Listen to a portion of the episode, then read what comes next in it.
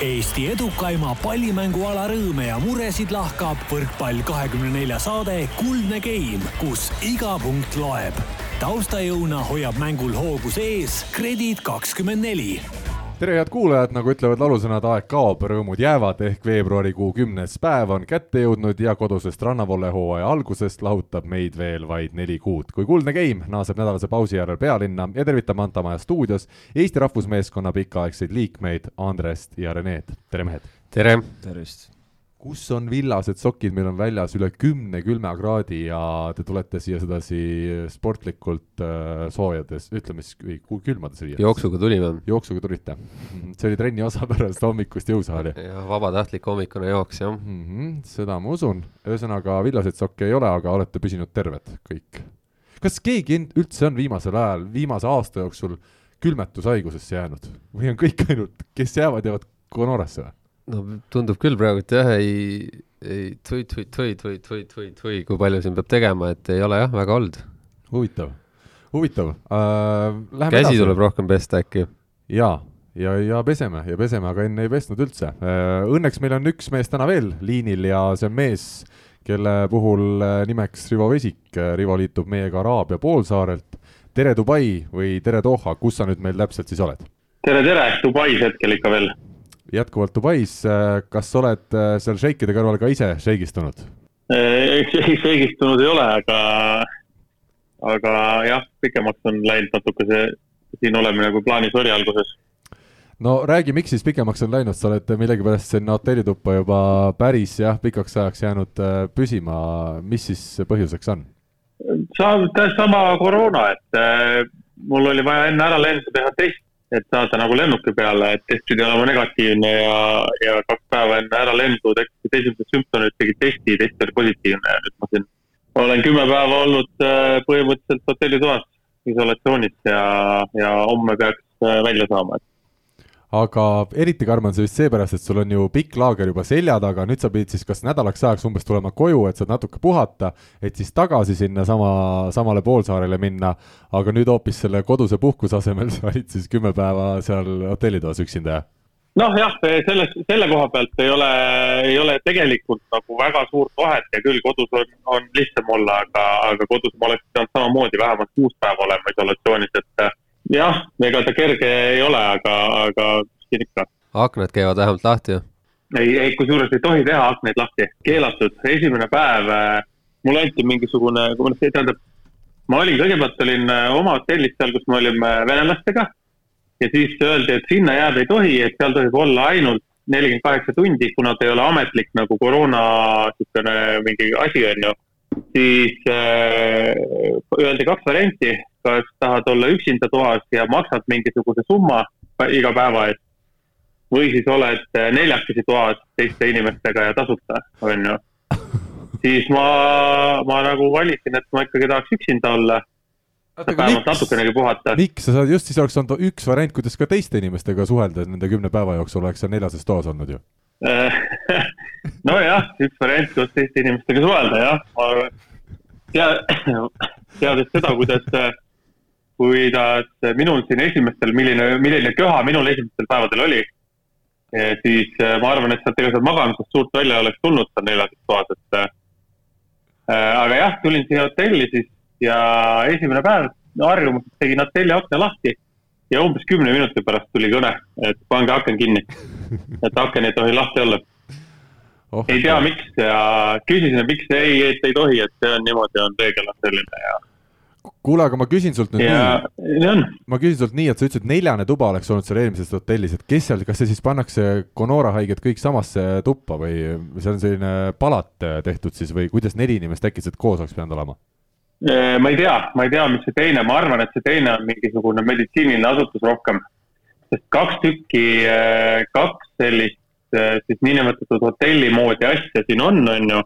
Üks on see päris hotell, kus mina olen, mis on siis äh, suur Holiday Inn hotell on, on põhimõtteliselt löödud kaheks, ühel pool on tavalised inimesed ka ja teisel pool, mis on täiesti ära eraldatud, on äh, siis äh, äh, patused. Ja, ja see teine asutus või see maja siis on kuskil mujal, kus siis on nagu sihuke ühika moodi elamine, nagu ma aru sain, et aga, aga ma ei tea, et mind toodi kaasa nelikümmend kilomeetrit Dubaist väljas praegu see koht, kus ma olen, et nii on, ei tea, mis seal mujal on kui mina olin üks esimesi vist Eestist neid äh, nakatunuid aasta aega tagasi, siis minul oli äh, asi, millega ma sain aru, et see ei ole tavaline külmetushaigus, see, et ma tulin kaks päeva järjest tööle ja mõlemal päeval hakkas kuidagi tööl nii väsinud tunne tekkis äkitselt, et ma läksin siis mõlemal päeval koju tagasi ja siis sain aru, et ilmselt võib midagi olla, kui juba hakkasid ka siis Saaremaa poolt tulema need sõnumid, et seal keegi on nakatunud. mis sinu puhul tegi arusaadavaks selle, et ei ole päris tavaline haigus äh,? mul oli kurguvalu oli kõige jõhkram, noh mul mingi hetk viskas palavikku ka kolmeks päevaks, kolmekümne kaheksa, kaheksa peale. aga alguses oli, oli kurguvalu, oli nagu väga jõhker. et sellist kurguvalu pole kunagi olnud. väsimust ei olnud, ma panin trenni edasi ikka päris nii kaua, kui palavik üles tõi, et aga jah, see kurguvalu oli see, mis, mis nagu oli väga kahtlane. lühidalt, kas keegi teine Venemaa koondisest on nüüd ka nakatunud või teised äh, on terved? kõik terved null, isegi see mees, kellega ma olin siin äh, põhimõtteliselt kakskümmend päeva ühes toas, mitte midagi. kõik, kõik terved ja lendasid, lendasid koju ja tulevad äh, neljateistkümnendal tagasi. Äh, Rivo, kuna me siin räägime juba Dubaist ja, ja sellest paigast, kus sa oled, siis äh, Äh, saime siin hiljuti sõnumi, et Mart Tiisar, Dmitri Kolotkov ühendavad jõud siis äh, hooaja esimesel etapil Dohas, neljatärni etapil. Äh, räägi, kuidas see asi nüüd paika sai, et nad tulevad just teiega siis Venemaa koondisega ja veel mõne tugeva riigikoondisega koos treenima. sinu käsi oli seal mängus vist, eks? jah, noh, minu käsi oli mängus, et me venelastega otsisime, keda nagu kutsuda ja ma olen kogu aeg nagu surunud Eesti poiste ka siia, et saaks, saaks nagu head spaaringut, et minu jaoks pigem, pigem noh, ma ei tea, mis selle Mardi, Mardi ja nende põhjus oli, ilmselt see, et nad ei teadnud päris täpselt, kas see Doha toimub või ei toimu. aga minu jaoks pigem imelik on see, et nad ise ei ole otsinud seda kontakti, et, minna välislaagrisse kuhugile, et võimalused on, praegu saab reisida ka, Euroopa paarid on kõik laagrites välismaal, et et sellist varianti võiks nagu ära kasutada ja, ja teha, et äh, mul on väga hea meel, et nad siia tulevad, et nad saavad, saavad ikkagi absoluutse maailma tipuga praegu, praegu treenida ja Dima, noh, Mart on enne ka, aga Dima jaoks on, on päris esimene kord, et sellises seltskonnas olla, et äh, ma loodan, et, et neil läheb hästi siin kõik. Mida sa ootad meie meestelt, äh, mida nad peavad laagris näitama, on neil mingi selline selge siht ka silme ees või tullakse, lihtsalt tehakse trenni ja, ja nii lihtne see ongi? Äh, ma ei oska ausalt öelda midagi nagu oodata neilt, et äh, meie teeme oma asju, meie võtame, meil on omad eesmärgid olemas, äh, eks Mardil ja Tiimal mingisugused eesmärgid on, seda peate nende käest küsima, aga, aga mina tahaks näha nende poolt nüüd seda, et kas on nagu edasi mindud hooaja vahepeal või hooaja, kahe hooaja vahel või ei ole. siis see, see laager peaks näitama üsna hästi ära, mis seisus mõlemad mehed on, sest sest ütleme nii, et äh, venelaste poole pealt meil äh, neljast mehest, kes siia laagrisse tulevad, kolm on väga heas vormis, nagu väga-väga heas vormis. lätlased on väga heas vormis, nagu ma, nii palju, kui ma nendega olen rääkinud, itaallased on väga heas vormis. Äh, poolakatel oli siin väike vigastuste probleem, aga, aga üldiselt pidavad olema kõik mehed sada protsenti, et tase tuleb, tase tuleb kõva ja, ja siis, siis on näha, et kus maal on Mart ja kus maal on Dima selge, äh, läheme edasi. Äh, Rivo, ma tean, et sa tahad ikkagi enne, kui me läheme siin põhiliste võrkpalliteemade juurde, mainida ka natukene ära Eesti spordis muud toimuvat, vaatasin, sa võtsid kõvasti sõna, kui Moskva CSKA kaotas Kalev Cramole korvpallis. Äh, lisaks on meil tennisistid Kontaveit, Kanep olnud edukad, mis siis silma on kõige rohkem särama pannud sul?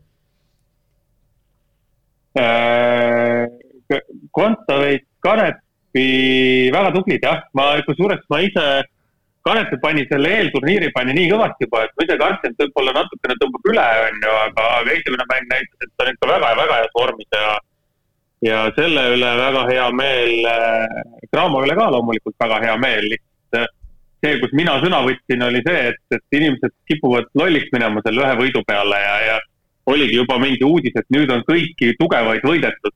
Umbes viimase kümne aasta jooksul on igat võistkond ühe korra võidetud, et come on oot, oot, oot, oot, oot, Rivo, Rivo, ma olen kõigega nõus, et see oli üks võit äh, paljudest ja kokkuvõttes CSKA, kas nad selle Kalevile kaotasid selle mängu või mitte, neil hooaja kokkuvõttes mingit asja ei loe või ei ole tähtis, samas oli see CSKA-le, kui ma ei eksi, neljas kaotus järjest, mis sellisele klubile tähendab juba ikkagi väga tõsiseid jutuajamisi seal äh, klubi juhtkonna eesotsas Vatutiniga ilmselt.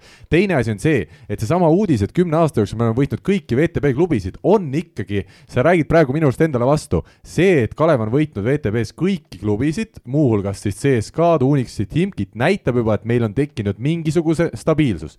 kui enne me võisime võib-olla kümne aasta jooksul võita ühte tasemel klubi, siis nüüd me vähemalt suudame võita kümne aasta jooksul erinevaid tippklubisid. et see on nagu üks samm ikkagi edasi, et selle üle noh las me teeme, las see ajakirjanik teeb selle uudise ära, et selline fakt on nüüd tõsiasi, et me oleme VTB-s kõiki võitnud. Rene tuli meist ütlema mikrofoni lähemale, aga veel ei ole sõna võtnud, aga Ivo, enne sinu kommentaar.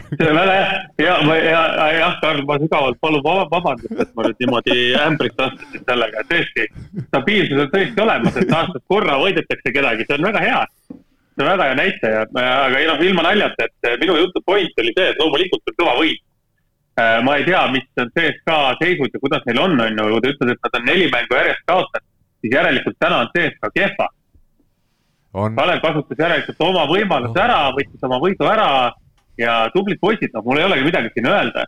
aga ärge lolliks minge, vaadake tabeliseisu ja vaadake seda, mis, mis nagu tegelikult toimub, et see on seesama teema, millest ma olen rääkinud Eesti spordis äh,. mõeldakse liiga väikselt liiga väikselt, võetakse nüüd, oi, me nüüd ühe võitsime, me oleme tabelis eelviimased, aga me võitsime ühte tugevat, kes võib-olla, ma ei tea, ma ei kujuta ette, noh, sama nagu siin äh, Jekapilsi Luusi võitis Saaremaad, on ju, mehed on kuradi kuus, kuus nädalat järjest täis. Rivo, ma olen kõik.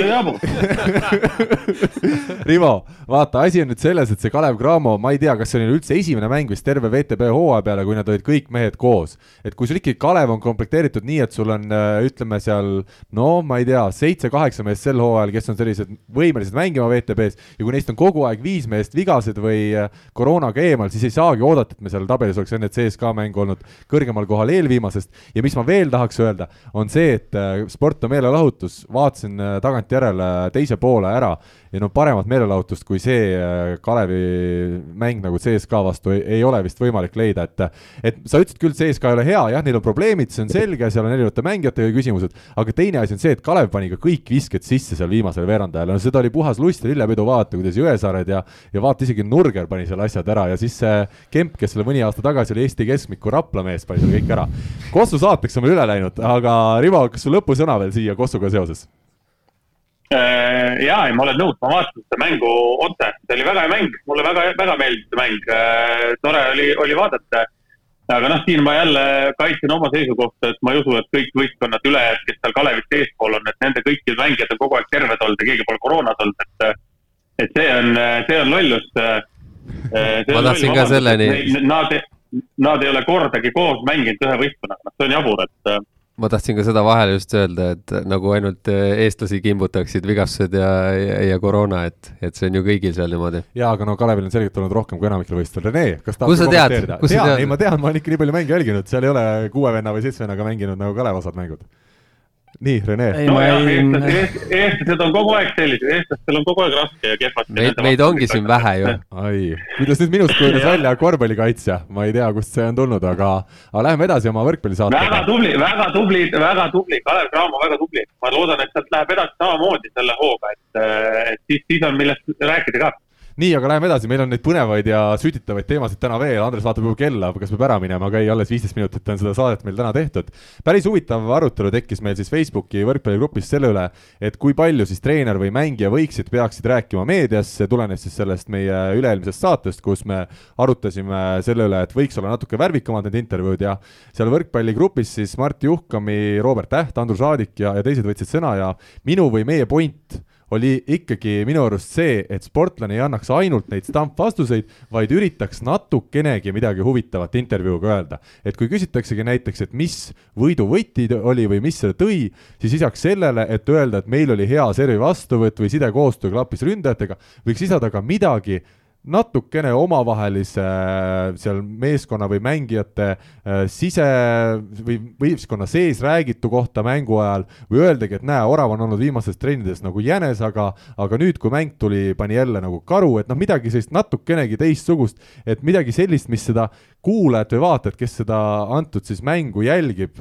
paneks kuulama seda intervjuud, et see ei pea olema mingi meeletu skandaal, mis seal välja tuuakse, aga mingi lihtne väike asi, aga samas ma loomulikult ei mõtle ka seda, et nüüd iga mängu eel, ajal ja järel tehtud intervjuud peaksid olema täis kulda või mingeid vanasõna, sõnasid, et lihtsalt sinnapoole võiks natuke püüelda. Rene ja Andres tegid vahepeal kiiresti Facebooki lahti ja lugesid vist need kommentaarid läbi. Andres, anname sõna sulle Äh, oled sa selle minu mõttekäiguga ikkagi rahu, nõus, et me ei, tegelikult ei läinud siin seda teed, et peaks nüüd midagi ei, aga ma ei kuulanud sind. sa ei kuulanud? ei, ei tahtsid, ma räägin korvpallist jah, sa oled juba võrkpalli üle, peale üle läinud.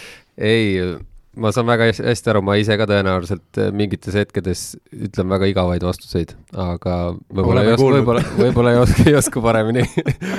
Aga seda küll, et äh, jah, nagu sa siin tõid sellise näite, et äh, võib-olla mingite meeste kohta ja võib-olla ka sellises positiivsemas võtmes värvikaid võib ka, et et ma tundus, ma, ma isegi ei teadnud, et seal nii palju see arutelu lahti läks, mingi päeva no Rival läks vist lappesse ikkagi lõpus selle kellegiga see arutelu või?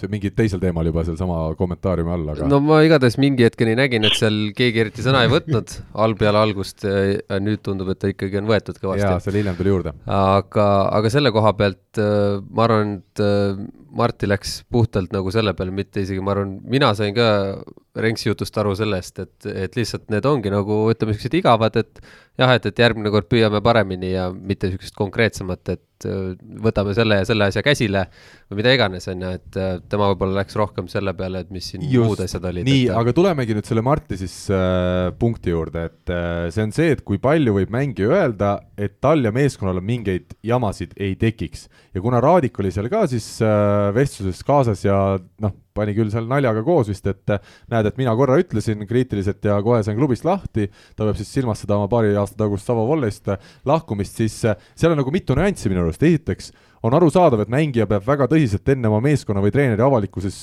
kritiseerimist mõtlema võimalikele tagajärgedele. Andruse puhul oli tagajärjeks siis klubist väljaheitmine, aga ta ise ei, äh, ei ole seda otsust nagu kunagi kahetsenud, sest tal oli nende pikkade kuude jooksul seoses nende treeningplaanide jaburusega tekkinudki selline viha või pahameel, et et kas see oleks siis parem variant olnud, et ta oleks seal kannatanud hooaja lõpuni ja vägisi mänginud, et äh, jah, kui me vaatame klubi seisukohalt, klubi jäi lõpuks neljandaks meistrivõistlustel, pronksi seeria nad kindlalt kaotasid, et klubile ilmselt Raadiku lahkumine igal juhul hästi ei mõjunud, aga, aga et kui mängija ise on valmis vastutama, siis ei saa ju midagi öelda, et see jaa, aga minu meelest Raadikul oli ka see teema, et ega ta ei öelnud seda esimese korraga kohe ju meediasse, vaid tal oli ju sellel samal teemal oli juba treeneriga jutt ja, ja, ja tegelikult oli ju seal selgelt näha, et ega meestele ka päris paljudele ei meeldi, aga nad ei julgenud öelda ei meediasse, ei julgenud öelda ei treenerile ega noh, muule, et et lõpuks me jõuamegi selleni, et, et on väga palju treenereid, kes ei tahagi kuula, kuulata seda, mis nagu mängijad arvavad või mis mängijad, tal on oma mingi siht, on ju, on treenerid, kes ütlevad, et jah, ma tahan kuulata ja räägime ausalt ära, aga põhimõtteliselt pärast seda, kui sa midagi ütled, siis võib solvuda. ja on siis tõesti need, kes siis nagu, need, kes siis, kes siis nagu võtavad reaalselt ka nagu arvesse neid mängija neid asju, et eks, eks see ongi niisugune jälle tunnetamise küsimus, et kas sa, kas sa saad nagu treenerist aru õigesti, kas treener saab mängijatest hästi aru, et et jah. ja siin ei ole nii, et on igas olukorras on sama asi, et ei tohi öelda, et treener tegi vea siis visatakse sind välja, see oleneb sellest treenerist, klubi juhtkonnast, omavahelisest läbisaamisest, tuhandest asjast, seal ei ole võimalik kunagi võtta ühte selget seisukohta, et nii võib öelda ja nii ei või, see on alati. eks see tekib ka see, et noh, et, et lõpuks, kui need mingid ütlemised lähevad tavaliselt kuhugile, eks siis ongi mingi usaldus, usaldusprobleemid on ja kui kui, kui on üksteise usaldus, siis võib-olla isegi mingi kriitika istutakse maha ja räägitakse tegelikult nagu selgeks, on ju. jah, parem oleks või noh, idee, kõige õigem oleks loomulikult kõigepealt omavahel need asjad ära nagu rääkida, on ju. aga noh, seal läks nagu jah, selles mõttes, et mina sain siis, kui ma isegi ei mõelnud selle peale, kui siin saates sellest juttu oli ja siis, siis mina ikkagi sain selle, selle jutust aru, et kuidas nagu mängijad ise võiksid vähe Jaa, ägedamalt neid intervjuusid anda. seda kritiseerimise poolt, vaid me rääkisime seda, et äh, võiks lihtsalt midagi välja tuua. aga nüüd Renks kindlasti ütleb, et ei, te saite, teie saite valesti aru Rene, sa oled täna nii vaikne olnud, kas sul oli raske trenn hommikul? ei olnud mingit trenni et no teil juttu jagub siin, ega mis ma ikka vahele segan, selles suhtes, et et jah, ei, oli mingi arutelu jah, tuleb välja, et Juhkami siin oponeerib kõvasti viimasel ajal, et tuleb ta siia maha istutada kümneks tunniks ühe korra ja arutame need asjad siis lõpuks läbi. ja mikri ees loomulikult. ja, jah, et äh, ei, see on alati teretulnud ja, ja arvamusi on palju ja nii palju, kui on inimesi, inimesi, nii palju on ka arvamusi, et selles suhtes alati, alati okei okay,, et äh, jah, mis Ratsa teemat puudutas, selles mõttes tema äh, tema, ütleme, oli see mees, kes võttis tule enda peale ja ütleme, põhimõtteliselt noh, idee poolest siis pääs-, päästis nagu teisi nii-öelda mängijaid ja seda klubi olukorda üldse, et kuigi noh, pärast tagantjärele vist tuli nagu välja, et ega seal suurt midagi ei muutunud, aga seal vist need õhtused ajad hoidki kinni lihtsalt, sa ei saanudki sinna trenni õhtuks panna vist. no mis iganes, aga ütleme, et aga sa oled profiklubi ja sa pead mängijana ja nagu... isiklikult ma saan väga hästi aru selles mõttes, kui, kui, kui lamp ja nagu halb see selles mõttes seal oli, et kas, kas seda pidi nagu võib-olla jah, seal hooajas sees tegema, noh, võib-olla ei, aga see oli minu arust pärast poolfinaalseeriat, mille nad olid kaotanud. ehk siis selleks hetkeks see minu arust eesmärk, ehk siis kulla võitmine no hooaeg käis läinud. ikkagi selles mõttes. jah, aga pronksiseeria oli ainult jäänud. nojah, okei okay,, aga, aga no üldiselt see oli vähe teistsugune teema, aga mis minu nagu idee jah, selles mõttes oli, ma ka ei mäleta ausalt öeldes, mis ma enam siin tookord rääkisin, sellest on mõnda aega juba möödas, aga no mis nagu mu, idee nagu selles mõttes on, et võiks nagu rohkem seda inside poolt nagu Just. olla minu arust Kossus igal pool mujal nagu on, on päris ägedalt juba tehtud ja käiakse ja räägitakse päris ausalt eh, nagu üleüldiselt. sa mõtled Eestis siis või? ei, ma räägin kas või mingi Euroliiga tasemel, kuidas Euroliigat näiteks tehakse Kossus, et eh, kuidas treenerid äh, räägivad suhteliselt äh, ilma filtrita ja, ja, ja otsekoheselt ja, ja mõnusalt, et nagu sellist keerutamist ja nagu nalja väga ei ole, noh. Raadiku teema lõpetuseks ma lihtsalt tahan öelda nii palju, et seal vist oligi see asi, et neid õhtuid, milles seal asi seisnes, et nad tegid hommikuse jõusaali umbes kaheksa-üheksa ajal hommikul ja siis kaksteist kell üks oli juba pallitrenn, et tegelikult vist tuligi välja, et seal saalis, kui nad treenisid, ei olnudki õhtuseid aegu kuidagi võtta, aga teine küsimus on ka siin nüüd juba see, et kui sa oled profiklubi, tahad Soomes meistritiitlist leida, et sa pead leidma need ajad ikkagi kuskil saalis, et sa saaks õhtu treenida, et nii ei saa nagu head võistkonda kokku panna, et meil on kõik hästi, aga meil ei ole trenni aega õhtul. ja teine asi, et kui me vaatame suurt pilti, siis eks Raadikul vist läkski natukene raskemaks ju pärast seda hooaega. et äh, Soomest ta läks ära ja järgnevad kaks aastat ju ei tulnud enam sellist äh, noh, oodatud lepinguid, nagu oleks pidanud, et noh, ma ei tea nüüd, kas see oli kõik sellega seoses või seotud, aga võimalik, et, äh, et seetõttu tekkisid ka noh, seal oli ebaõnne ilmselgelt ka, et see, kuidas sinna Türki läks, no ega ei olnud päris selget ettekujutust, kuhu ta läheb ja nii edasi, et see, see selles mõttes oli selline halb juhus ja see, et et Aafrikas tegeletakse koroonaga nii, nagu tegeleti tookord, et noh, seda ka jälle ei teadnud, on ju, et selles mõttes ta oli pigem ebaõnnesõdur, mitte see, et ta kuidagi kuidagi see lihtsalt. mõjutanud või? jah, et iseenesest ju Soomest Türki esialgu ei tundnud kellelegi mingisuguse tagasisammuna kuidagi, et äh, pigem, pigem halb, halb õnn ja halvade asjade kokkusattumus, et see on see Türgi nii-öelda võlu ja valu, et äh, seal võib päris mõnus ja mugav olla, aga, aga see tagumine pool on alati selline, et äh, juhtub. jah, vaata ja nüüd sellega, mis me siin enne saadet ka korraks rääkisime, et mis nagu klubi samamoodi ütleb, et siin eelmises saates te vist rääkisite äh, Alliga vist ja et äh, selle Schmidli kohta, et äh, jah, Mattis Middelsets, Tallinna Selveri endine diagonaal, ma lihtsalt tuletan meelde kuulajatele. jah, et, et kuskil seal Facebookis oli mingi kiri pandud, et noh, umbes, et noor mees ja koroona, ma ei tea, situatsioonis ja ma ei tea, ei, ei, ei suutnud, ma, ma ei tea isegi täpselt, mis no ühesõnaga jutu point oli see, et ta läks siis meistriliigas mängivast Belgia klubist Aastist tagasi kodumaale mängima. ja, ja ega ma nägin ka seda, mis, mis see nii-öelda Facebooki sihuke nii-öelda tõlge siis andis seal, et see oli sihuke veider lause ja, ja noh, oligi, et inimestele andis see tegelikult väga vale signaali, et et ma küsisin kohe peale seda, et, et miks või mis, mis juhtus, aga aga tegelikult oli nagu väga lihtsam pool, et me, me teame, et äh, Matei jälgib seda saadet ka ja kuulab, et, et selles mõttes tal on, tal on tõlk olemas ja, ja, ja ja ta paluski tegelikult öelda, et, et tegelikult see asi ei olnudki nii, et ma juba teadsin ennem, et see, see see leping, millega ta Belgias oli, oli väga väike ja ja kodumaal tehti lihtsalt nii palju parem leping või pakkumine juba ennem ette ja, ja tegelikult see, see klubis seal ma küsisin ka, et kas treeneriga on mingeid siukseid äh, ütlemisi või mingeid asju olnud, ütles, et otseselt ütlemisi ei olnud ja, ja ta tegelikult tundis nagu, et, et treener tegelikult teda soosib, aga, aga, aga mingi hetk hakkasid väga siuksed veidrad otsused, kus ta keset äh, keset mängu lihtsalt võeti jälle väljakult ära ja, ja, ja tekitas sellist imelikku niisugust fooni sellele asjale, et et siin mõned nädalad tagasi tegelikult Kristo Kollaga võttis sellel teemal, me rääkisime lihtsalt enne trenni seda, et ta ütles ikka, et jube imelik, et et teda välja võetakse, et ta on ainuke mees, kes skoorib, et mm.. nii et äh, jah, siin sellised äh, selles mõttes väga-väga lihtsatest asjadest võib tekkida mingit sihukest, eh, ma ei tea, väga vale, mitte valeinfo, aga siukseid äh, jah mehest jääb väga vale mulje. ja, aga mis mul ikkagi on õige, on see, et meil on rahvusvaheline saade, et kui juba Mattias Schmidl Eestist juba lahkununa ikkagi kuulab meid iga nädal, siis noh, see on hea märk, see on hea märk, olgugi et keelest aru ei saa, ikka paned selle käima ja kuulad ära saate. Rivo, sa oled nii pikalt vaik, vaiki olnud, et ma juba muretsen, oled sa, oled sa veel, oled sa veel elus? elus, elus äh, ma tahaks kogu selle kommentaaride teema peale öelda nii palju, et äh, ajakirjanikud võiksid ka küsida mingisuguseid normaalsemaid küsimusi vahepeal, äh, mitte ainult seda, et mis siis juhtus ja miks see see on ja nii ja naa, et, et kui te tahate mängijate käest saada mahlakamaid kommentaare, siis, siis küsige ka küsimusi, mis võivad nende mahlakamate kommentaaride juurde viia.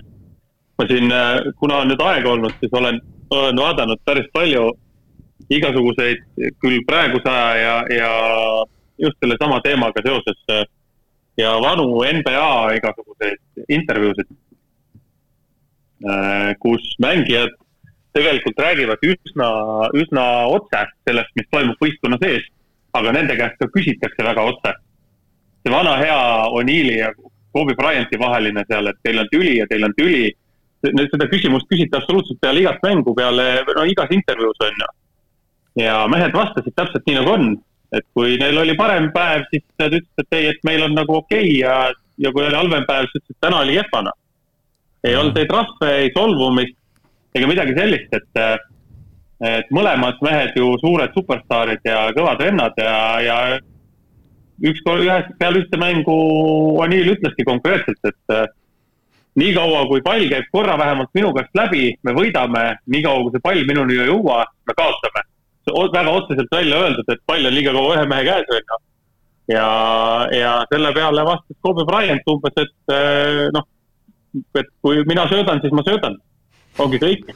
ja ei olnud mingit solvumist, mehed, mehed võitsid taaskord NBA tiitli, on ju, ja, ja nii see asi käib. kuule, aga Rivo, kas me muudame selle saate nime kuidagi ümber, et see ei ole ainult võrkpallisaade enam või?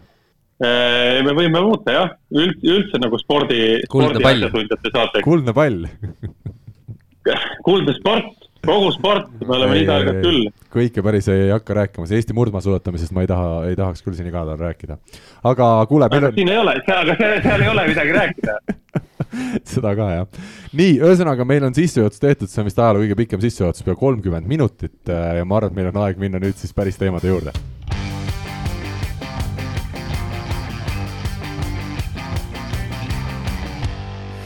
Grade kakskümmend neli meistriliigast on meil ikka tavapäraselt äh, selline komme alustada saate põhiosasid ja Saaremaa võrkpalliklubi Tartu Bigbank, meie hetkel siis kaks tugevat meeskonda Grade kakskümmend neli meistriliiga tabeliseisu järgi, läksid nädalavahetusel Lätti ja mängisid sealsete tippude Riia ja Ekapilsiga kokku neli mängu ja võitsid neist siis vaid ühe.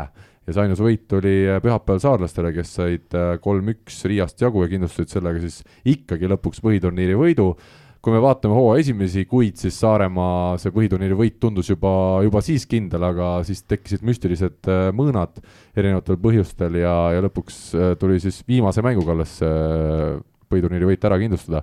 millised mõtted teil nende kahe mängu osas sedasi laiemalt tekkisid, kas jõudsite ka midagi jälgida, me siin Saaremaa sidemängijast hakkame kohe rääkima, aga, aga üldisemalt? Mm, ma ei tea, mina isiklikult vaatasin seda Jekapilsi mängu lõppu, ütleme see neljanda lõpp, äh, viies, et äh, no mis seal ikka, selles mõttes, et äh, jäädi, jäädi mõnest mängijast ilma,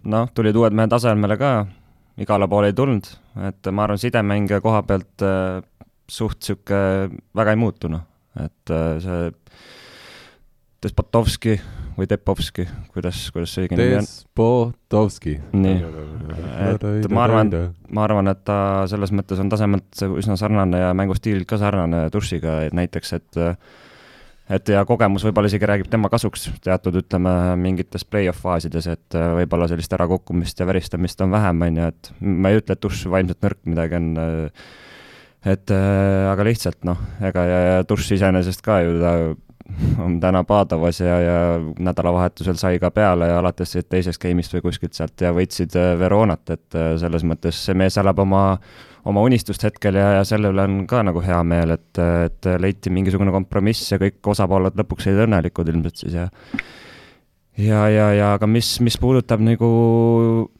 nurgaründaja seda nii-öelda värki seal, et. ma ütlen vahele, et Sousale siis, kes Kreekasse läks, ei ole asendust tulnud ja ei tule ka jaa, et äh, mina ikkagi selles mõttes natuke näen, et sealt anti järgi, sest et okei okay,, see mingi periood seal läks neil raskeks ja tulid need kaotused järjest, aga ma arvan, et see oli lihtsalt üks niisugune paha periood. oma mängustiililt ikkagi, ma arvan, võimu poolest oli kõige võimsam seal võistkonnas ja ma usun, et ta oleks sellest august välja roninud ja, ja ütleme, see, see kõrgete pallide ja see, see pool nagu selles mõttes on hetkel, ma arvan, Saaremaal nõrgem, kui ta oli ennem ja nüüd siis Rauno Tamme, kes on Sousa asemel väljakul äh,, ega tal kerge ka ei ole, selles suhtes, et Sousa ikkagi rünnakul oli võimas esiteks ja teiseks, Tamme on ju nii pikalt olnud seal varus. mina ausalt öeldes ei mäletagi, millal Tamme oli viimati mitu kuud järjest äh, mingis võistkonnas väljakul, see oli ju mitu aega tagasi ilmselt ju. No seda ka jah, aga, aga noh, ütleme selle mängurütmi leiab, ma usun, kuu ajaga, et äh, see ei ole nagu teema, aga pigem on see mängustiil jah, et nüüd neil on kaks stabiliseerivat nurka põhimõtteliselt Äh, platsi peal äh, Pupart ju tegelikult numbriliselt äh, Jakapilsi vastu tegi päris hea mängu ju. rünnak üle seitsmekümne protsendi. noh, ja sellest ei piisanud, et see näitab ka midagi juba, et ja, ja aa, ei, selles mängus oli vähem vist, teises mängus oli üle seitsmekümne. okei okay.. aga, aga jah, ütleme see, see, et nad Jakapilsile kaotasid, võib-olla see nagu, ütleme, Jakapils iseenesest ei ole nagu halb võistkond, et kui kui sa lased nagu nad mängu sisse ja toimetama, siis, siis nad võivad päris palju pahandust teha, eriti kui nad kodus mängivad, et äh, seda kaotust ma kuidagi üle ei dramatiseeriks võib-olla liigselt, et et ikkagi nädalavahetuse mõttes kaotajaks, kaotajaks pigem jäi Tartu, et äh, see oli natuke üllatav, aga samas, samas ka neil, ütleme noh, neil on äh, üks, üks murekoht selles mõttes, et et see nurkade kolmik on, on ikkagi selline, kus, kus neil on neid kõiki vaja, et tihtipeale ma arvan, et suurem osa mängudest isegi on olukord, kus need kaks, kes alustavad, ei lõpeta, et et, et selline stabiilsus võib-olla siis nagu jätab teatud olukordades nagu soovida. Ja nüüd, nüüd oli see hetk, kus, kus Tammearu jäi koju ja, ja, ja ei olnud võtta seda vahetust, kus ilmselt, ilmselt oli vaja. Et ja kui arvestada, et Tartu nii-öelda mängud otsustatakse ikkagi positsioon neljast hetkel, eh, siis, siis noh, sealt jäi natuke puudu, jah. kuule, aga see Despotovski on ikkagi selles suhtes huvitav mees, et temast sai räägitud siin umbes aasta-kaks tagasi, kui ta seda võrku seal tõmbas, kui vastane läks üle palli äh, suruma, et kas midagi sellist võib näha ka, olete te teadlikud sellest mehest, et ta nagu käitubki nii või see oli mingi üks segane moment, kus tal vaimselt äh, keris ära ja, ja tegelikult on tegu normaalse mängumehega? Ma arvan, et okei okay, vana on, jah. ei, ma arvan ka, et ega midagi niisugust, et jah, et, et see, see olukord jäi silma, eks see sai päris palju kriitikat, aga aga ega neid, ma arvan, tal karjääris nüüd nii palju ka ei ole, et eks ta on niisugune, igal juhul on näha, et ta on niisugune agressiivne ja hästi-hästi nagu mängus sees kogu aeg, et et ega lihtne ei ole tulla keset hooaega niimoodi otsekohe mängule ja täiesti uue võistkonna juurde, aga ta ei jäänud küll kuidagi silma, et nagu, nagu oleks, ütleme, niisugune võõr, võõr, võõr mingi sihuke keha seal platsi peal, et, et selles mõttes juba tundus, et juba on päris, päris okeilt saanud mingid, mingid, ütleme, siuksed tunnetused kätte ja ja, ja noh, ega ongi, et iga, igal mängijal on oma karakter, tema on kindlasti selline agressiivne ja, ja eks sihuke keevalisem ka ja, ja need sellises raske, ütleme, keerulistemas momentides võib-olla näeme mõne üksiku siukse äh, niisuguse suurema purske ka ära võib-olla siin liigas ka, aga, aga ma arvan, et keegi siin midagi väga hullu küll ei ole, et ei jää meenutama sellega ainult, et nüüd tõmbas alatult mingit võrku või mingit niisugust asja, et me ei usu. mis oli huvitav, oli see, et kahe mängu ja, ja üheksa mängitud game'iga ta ühtegi palli ei läinud ise lahendama, et ta vist nii, niisiis oli keskendunud sellele, et ta leiaks kaasmängijatega selle koostöö või, või mida siit välja lugeda?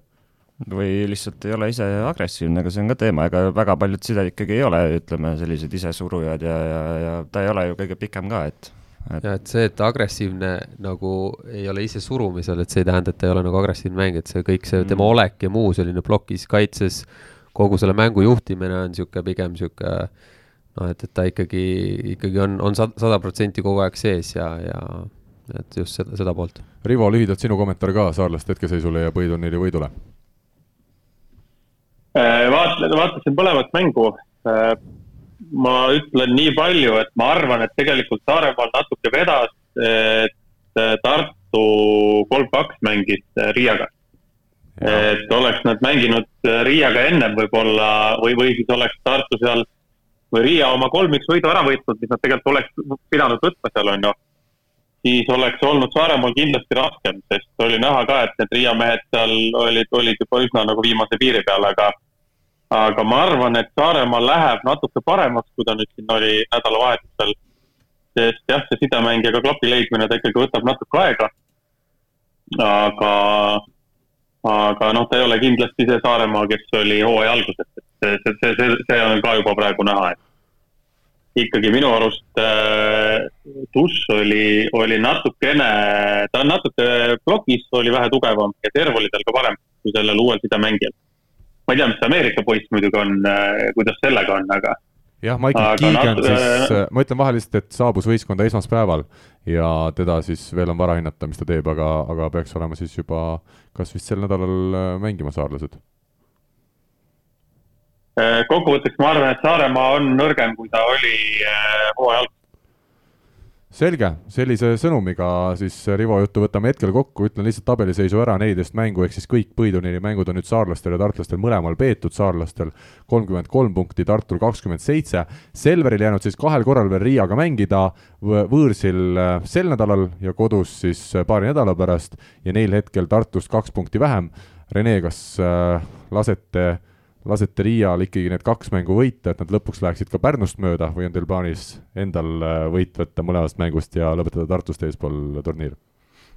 Äh, päris ausalt öeldes mm, ma küll ei tea, ma ei saa võib-olla kõige eest rääkida, aga me ei ole minu arust keegi suurt äh, seda tabelit väga nagu jälginud terve hooaja vältel, et meil on seal tegemist küllaga ja ja eesmärk on ikkagi nii-öelda lihtne, et iga päev ka trennis äh, ja mängudel ikkagi anda endast äh, selles mõttes maksimum ja, ja töötada just selle nii-öelda stabiilsuse ja selle kallal, et, et ei oleks, ei oleks üllatusi siis, kui nagu tähtsad mängud kätte jõuavad, et see see mitmendana seal tabelis nagu lõpetad, et äh, see, ma ei tea, isiklikus plaanis mulle nagu väga oluline ausalt öeldes ei ole, et äh, nagu Karikas siin alguses juba näitas, et kui sa tahad võita, siis sa pead kõiki võitma ja väga vahet ei ole, kes sul seal tee peal nagu ees on, et äh, et äh, tõesti jah, see tabel tabeliks, et meie tegeleme oma asjadega ja ei muretse liialt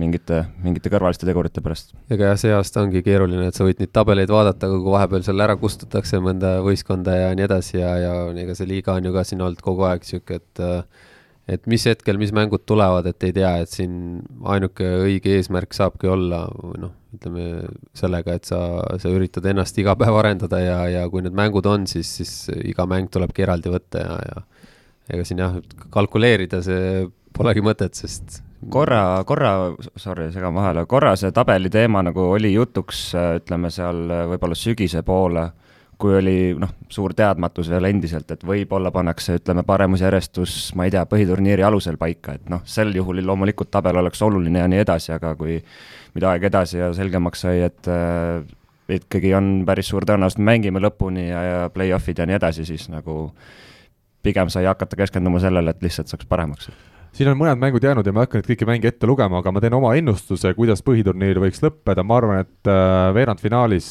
esimene ehk Saaremaa mängib kaheksanda ehk Karkstaiga, teisena ma arvan, lõpetab Selver, kes mängib siis äh, veerandfinaalis äh, ma arvan, seitsmendaks langeva TalTechiga, kolmas Tartu mängib siis kuuendana, ma eeldan, põhiturniiri lõpetava Riiaga ja neljas-viies mängivad omavahel Jekapils Pärnu, selline on minu ennustus. aga äh, sel nädalal siis päris palju mänge nii Grade kakskümmend neli meistriliigas kui ka äh, Eesti liiga siis vaheturni-, vahegrupi turniiril me mänge näeme ja esimene neist juba täna, kolmapäeval, mil see saade siis eetrisse jõuab, äh, Tallinna Selver võõrustamas Pärnu meeskonda. kuule, me ikka tegime siin vahepeal ka tööd. Ja me juba ühe vahegrupi mängu mängisime. jaa. TalTechi vastu jah ja, mitte ei ole esimene mäng. ei, ma ütlen selle nädala esimene mäng. selle nädala jah jah, aga sa tahate rääkida oma võidust TalTechi üle pikemalt? ei taha, ei taha, me mõtlesime, ma sain aru, et lihtsalt, et vahegrupi esimene mäng tuleb, vahegrupi. aa ei, jah, selles suhtes jah, ilusasti Teppan tegi serviseeria ja aitas siis meeskonna ja. võidule TalTechi üle ja, ja. see ei olnud, see ei olnud mingi idee praegu. Noh. natukene on Renel nägu moigel, aga kes ikka saba kergitab kui mitte ise. väga hea, mulle meeldib see meie lõbus seis siin stuudios. meil on aga aeg võtta ette tänase saate järgmine rubriik oota hetk, palun. räägi, räägi, ja, ja. Selveri, Selveri ja TTÜ mängust. nii. üht, ühte asja, okei okay,, Selver hävitas seal ära servide ja asjadega. TTÜ võistkond mingi hetk peaks nüüd hakkama mängima nii, et ei ole sedasi, et kõik mehed on väljakul äh, hullud isad, aga keegi mängida ei oska. omavahel käib nii palju mingit kuradi jutuajamist seal ja endal on sellised read mida, mida saaks iseenda vigu saaks parandada nii palju, et teha võistkonda paremaks. selle asemel, kuradi, õpetatakse, kuidas teine mees peab lööma või vastu võtma, kus keegi peab liikuma. kui TTÜ saaks selle poole endal klaariks, siis ma arvan, et see võistkond võiks hakata veel mängima mingite kohtade peale kuskil. kuule, aga kelle asi see on kui..., Rivo, kelle asi see on, kas peatreener peab panema selle paika? ei tea, absoluutselt ei tea. mul lihtsalt selle viimase mängu ajal nagu ma olen terve hooaeg nagu jälginud seda asja ja viimase mängu ajal sõitis natuke katus ära. et kui mehed, kes ise teevad järjest vigu ja ise teevad järjest lollusi, õpetavad kõiki teisi väljakul, noh. situatsioon minu arust viimasel mängul oli selline situatsioon, kus äh, väljakul oli hästi palju mehi, kes on äh,, mängivad väga hästi, aga keegi mängida ei oska. või tähendab, kes teavad, kuidas mängida, aga mängida keegi ei oska. kuule, aga kas eelmine aasta oli suht, suht sarnane olukord, vaata kui seal vist Nuut ära vahet-, vahetati selle kapteni, et siis vist oli suht sarnane situatsioon või? et ka kõik vist. eelmine aasta oli sarnane, eelmine aasta oli minu arust veel hullem, see aasta nagu natuke paremaks läinud. aga nii kui tuleb mingisugune pingeline hetk või mingi asi võistkonnas, see laguneb nii ära, et seda kole, kole oli vaadata seda viimast mängu. nojah, aga seal. Rasmus Meius, Rasmus Meius ütles, Rene Teppan lõi kuradi kuussada kilomeetrit tunnis terve ässa ja siis mingisugune vend ühe pealt toonist hakkab õpetama, kuule, võta nüüd niimoodi vastu. mina ütleks selle peale, tule võta minu asemel vastu see serv. palun, tule seisa siia, võta vastu. et lõpetage ära see kuradi pull ja hakake trenni tegema, hakake kuradi mängima nii, nagu te oskate siis ehk tuleb sealt midagi paremat ka.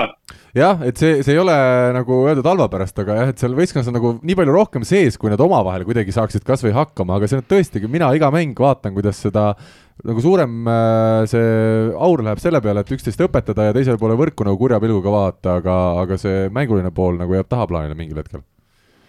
Reneel oli ka siin mingi mõte või?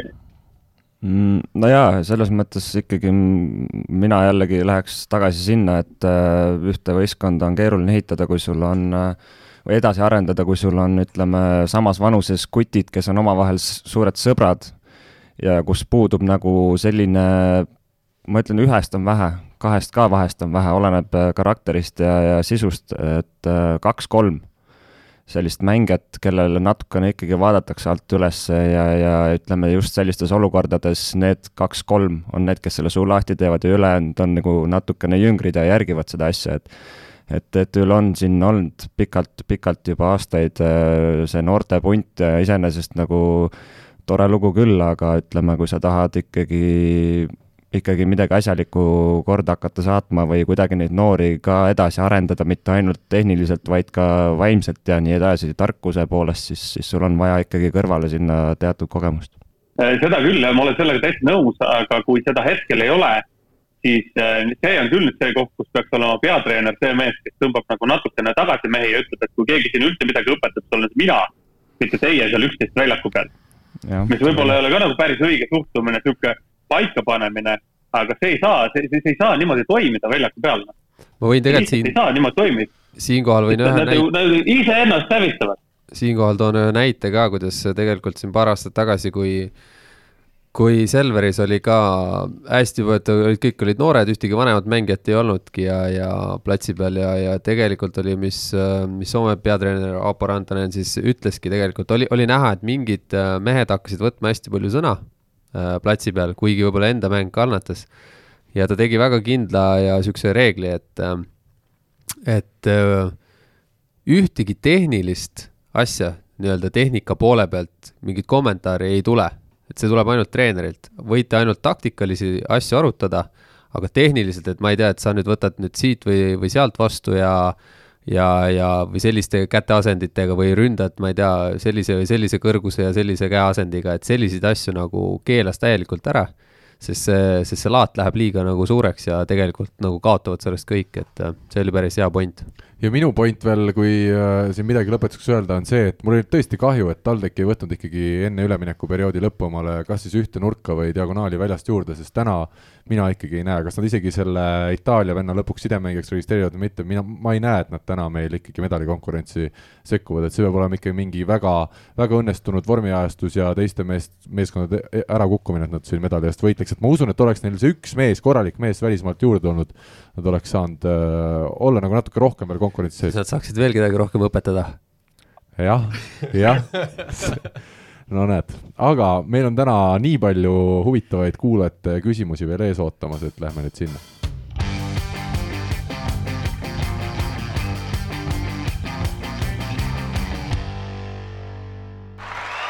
see on nüüd aplaus teile, head kuulajad, kes te meid kuulate, kes teist ka küsimusi esitab.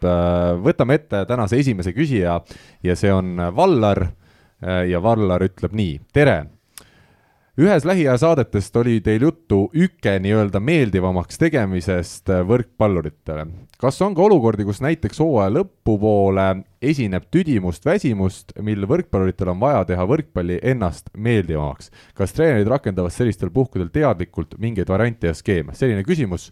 Rene ja Andres, anname esmalt sõna teile. palju on sellist tüdimuse asja ja mingit hoopis teist lähenemist? muidugi on ütleme ausalt, ega hetkel on endalgi selles mõttes asi nagu sealmaal, et kus äh, trenni on tehtud, trenni on tehtud omajagu ja ütleme, selline hooaja lõpupoole ja, ja päris pikalt on olnud, ma ei taha öelda, et tähtsusetuid mänge, aga ütleme sellise hallis alas liikumist, mingid mängud nagu on, et aga, aga mis nagu noh.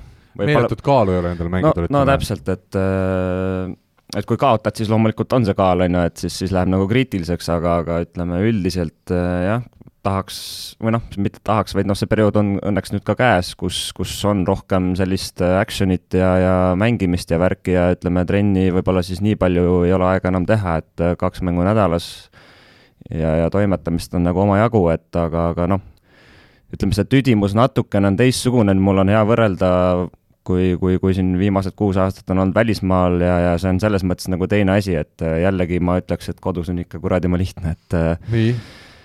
Et äh, kui välismaal ikkagi sul on nagu elust kopp ees teatud perioodidel, ütleme seal mingisugune jaanuar on ikka alati väga raske kõigile, ma arvan, et et, et pool aega nagu möödas, aga samas tead, et pool on veel ees, et siis, siis see nagu on see elu oluliselt selline mentaalne raske, raske nagu periood, et et aga ütleme siin kodus on jah, selles mõttes teistmoodi, et aeg, ma ütlen, lendab tõesti no uskumatu, meil on juba veebruar käes. et ja... vabal ajal sul on rohkem tegevust siis või? rohkem suhtlust sõpradega ja no, perega täpselt, ja mis iganes, noh. nädalavahetusel lähed Pärnusse, kui saad ja. no täpselt, et see, mm -hmm. see on nagu ütleme, korralik meelakkumine siin selles mõttes, et noh, tõesti on, noh. -hmm.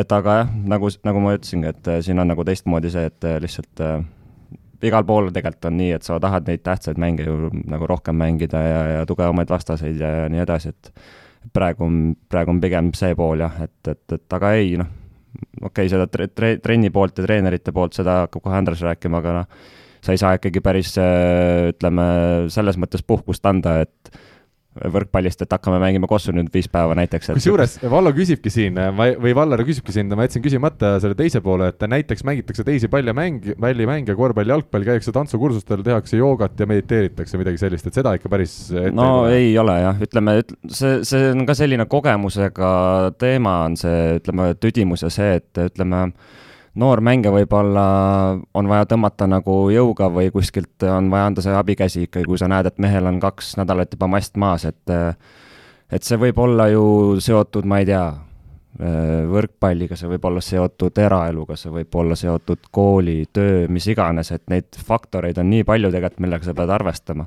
aga, aga ütleme, et kogenud mängija suudab sellest lihtsamini välja tulla või üle olla, ütleme, mina isiklikult vahel kasutan ka seda, et et kui ma üldiselt arvan, et ma olen mängija, kes üritab nagu ka teistele anda võimalikult palju, siis on teatud mingisugused perioodid võib-olla, kus kus äh, treener ilmselt paneb seda ka tähele, kui, kui Tepp on järsku on vait paar päeva, kus ma nagu võtangi aja iseendale ja, ja tegutsen ainult oma asjadega.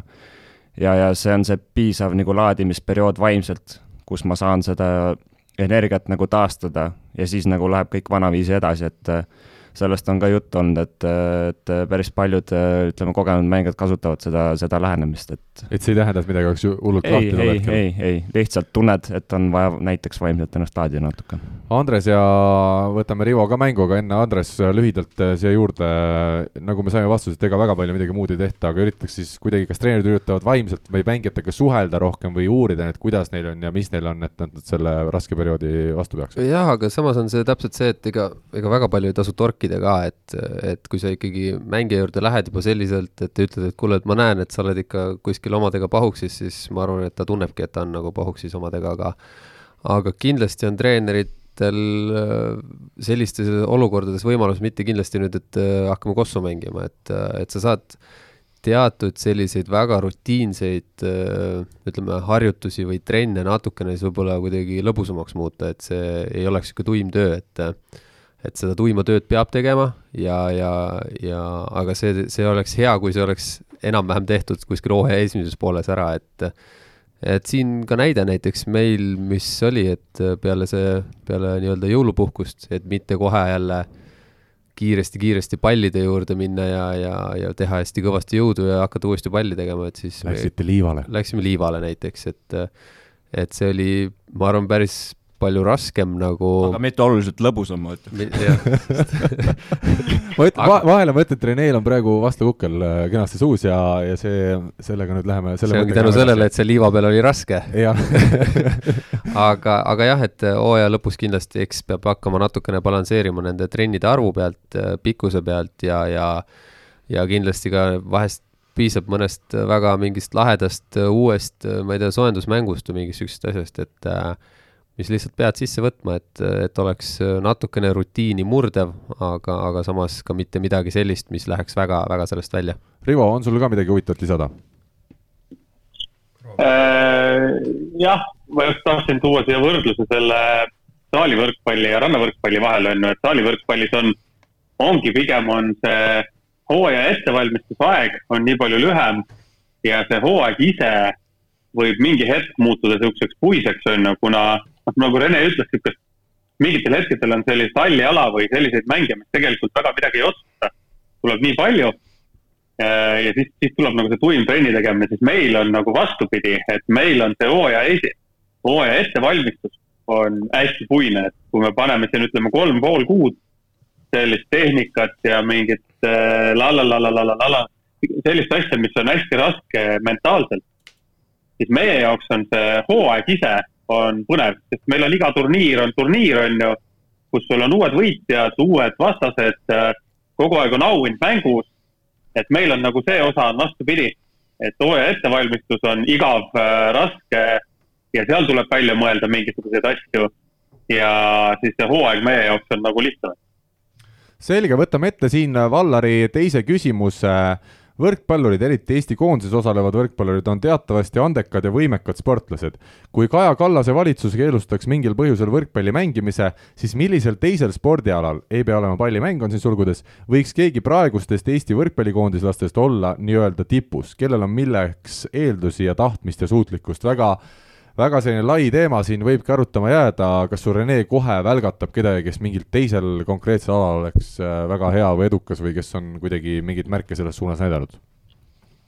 ma ei, niimoodi raske öelda tõesti, sest et äh, kuna sa oled igapäevaselt võrkpalli juures, siis ega ütleme, teiste hobidega otseselt sportmängudega näiteks ei, ei tegeleta, et ma tean küll seda, et hästi paljudele meeldib kossu mängida ja ja ma ei saa öelda, et jaa, ilmselgelt oleks viis venda Euroliigast on, aga aga üldiselt äh, võrkpallurid on nagu seal selles mõttes nad tuntud kui osavad, ütleme, ja niisugused tehnilised tegelased, et äh, saadakse hakkama erinevatel aladel, noh, kui hästi või halvasti, aga ütleme, ütleme ikkagi saadakse hakkama, et äh, et niimoodi, niimoodi on tõesti nagu raske selles mõttes öelda, aga ütleme, nii mõnigi meist on tegelikult esimesena käinud küll ka jah, korvpallitrennis, et lihtsalt asjade kokkulangevuse läbi on mingi hetk tulnud see võrkpall nagu jäänud, et. kes parim korvpallis on siin meie praegusest koondislasest?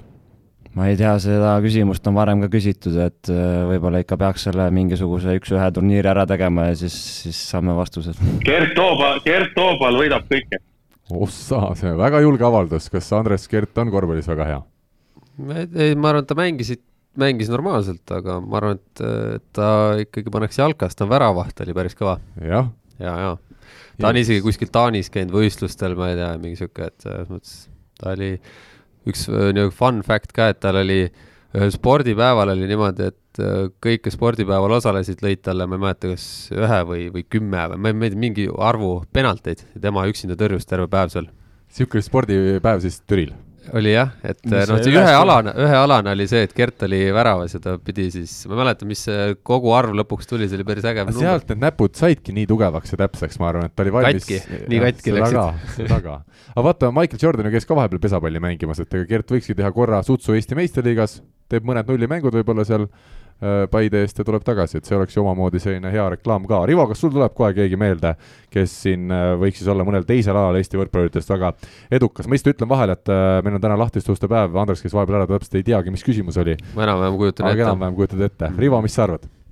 ei tea, ei tea, ei tea üldse selles suhtes, ei tea ju äh,. ma, ma ei tea neid mehi, kes seal mängivad üldse nagu koondises täna mina ei tea, mis nad seal lapsepõlves teinud on, oma aja koondise kohta ma võiks lugeda siin neid mehi ette küll. aga hakka pihta, hakka aga... pihta, Rivo, meil on saade on äh, kummist, ei ole kummist, vabandust. ole nüüd, ole nüüd. Äh, noh, ma arvan, et nad kõik saavad mingite asjadega hakkama, et Oliver Venno, ma ei tea, kuidas ta Kossus on, ta võiks Kossus olla päris hea tsenter. oo oh, jaa, tõesti võiks olla. suur, suur mees, suur mees liigub ka ja, ja why not tema vist on olnud see äh, mängija, kes on öelnud, et äh, tema valis võrkpalli sellepärast, et see füüsiline kontakt nagu ei olnud talle. et selles osas ah, jällegi okay. ei tea, et aga no, pikk on ta küll, jah. E, e, ena-, enamus Eesti tsentritest võrkpalli mängib tundub, et ka füüsiline kontakt ei ole ka neile väga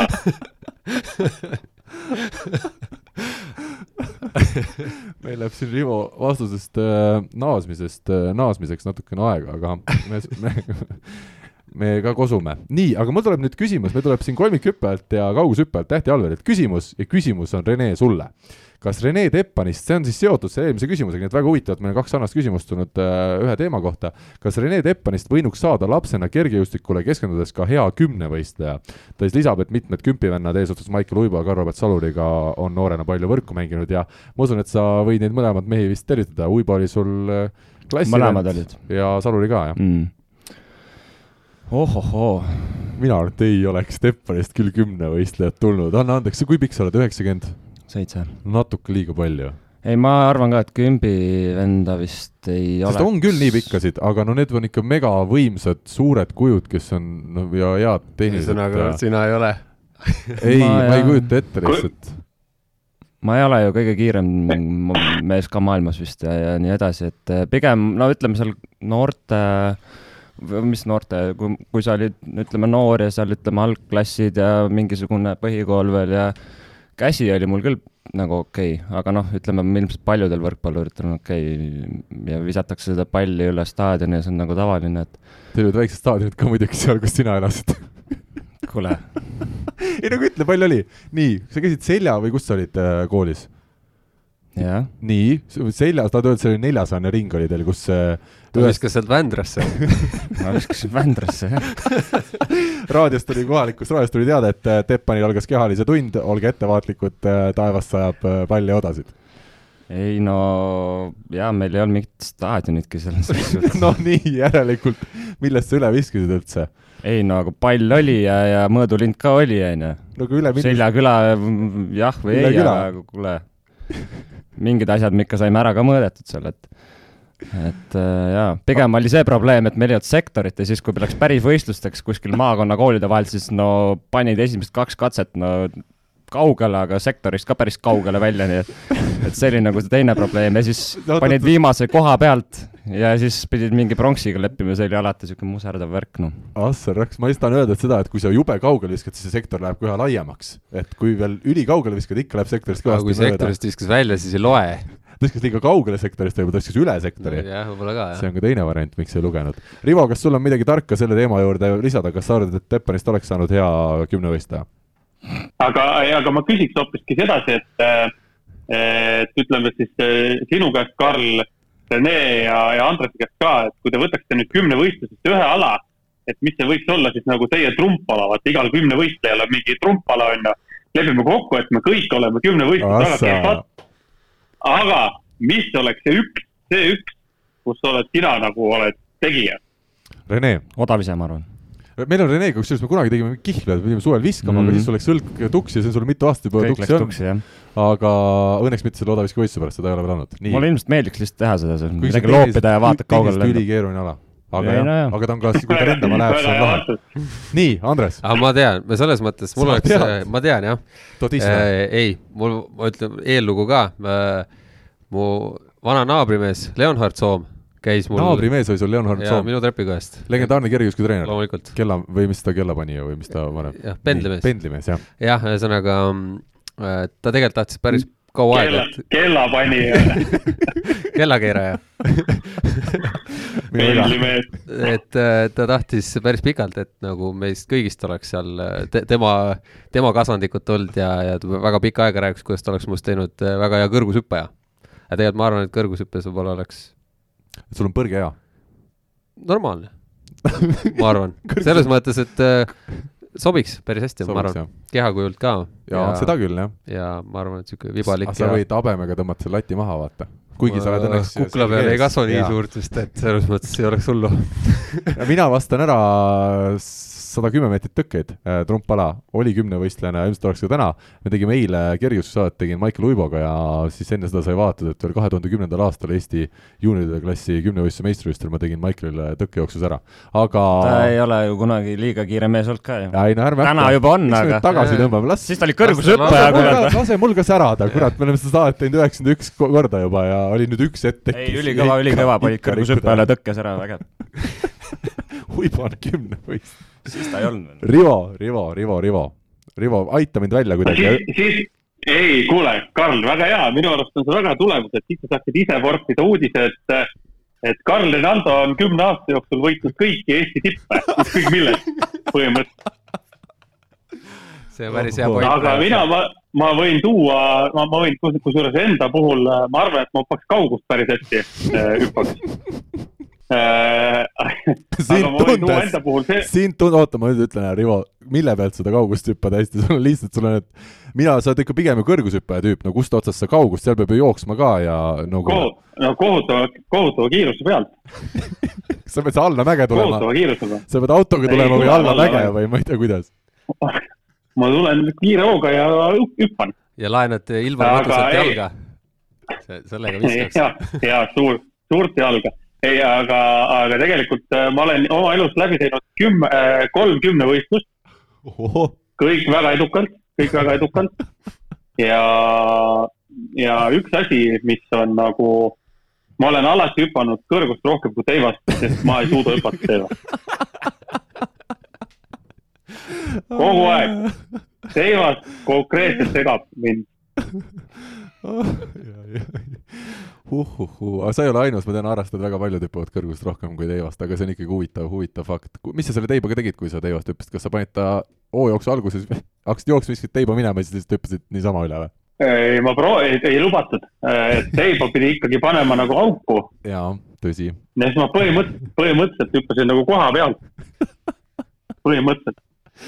ega sul videoid sellest võistlusest ei ole, ma arvan, et meie kuulajaid huvitaks Õnneks Õnneks mitte, aga ma, see, see, see on väga tore, kunagi Pärnus iga aasta toimus Püha Loomaaia igamehe kümnevõistlus. see oli fantastiline ettevõtmine, kus. Püha Loomaaia. E-, ja, Pärnu sihuke spordiklubi, väga, väga toredad inimesed. üks, üks esimene aasta oli nii, et üks minu sõpradest, hea sõber Kristo Ponn, esimese ala saja meetrit starti jäi magama läks pakkude peale, läks pakkude peale ja vajus otsaisesega vastu seda rada ja jäi magama. ja sai natukene hiljem startis kui teised see, see oli fantastiline üritus, ühe päevaga tehti kümnevõistlus ära. ta startis siis, kui juba pidi kaugust minema hüppama või? Minu ei, ei, ei, ei, ta ikka mingi hetk, mingi hetk, kui pauk ära käis, siis sealt lükkasime ta teele kuidagi. Aga ei, see, see oli fantastiline, äge, äge üritus. see läheb küll kullafondi meie saates, sest minu jaoks kui kergejõustikuinimese jaoks võttis praegu täiesti uue mõõtme arusaam või mõiste, et jäi stardis magama. no see, ütleme niimoodi, et see, see võistlus algas, kuna oli nagu ühepäevane kümnevõistlus on ju, siis see võistlus algas kell pool kaheksa hommikul ja esimesse starti tulime meie nii, et me tulime kell kuus välja Sunsetist ja mõtlesime, et ei ole mõtet koju minna. Staadion on kõrval, lähme staadionile sooja tegema. ja siis, siis ta nii läks. pool kaheksa muidugi, kes alustab kümnevõistlust, eh, harrastajate kümnevõistlust, peab olema ka nädalavahetusel selline ise ka, ütleme, Sunsetist täitsa välja tulnud. okei okay,, eh, Rivo, aitab küll, sul jätta järgmiseks saateks ka, need olid nii head lood, et eh, neid ei saa kohe ühe korraga kõiki välja rääkida. Markus on meile küsinud järgmise küsimuse.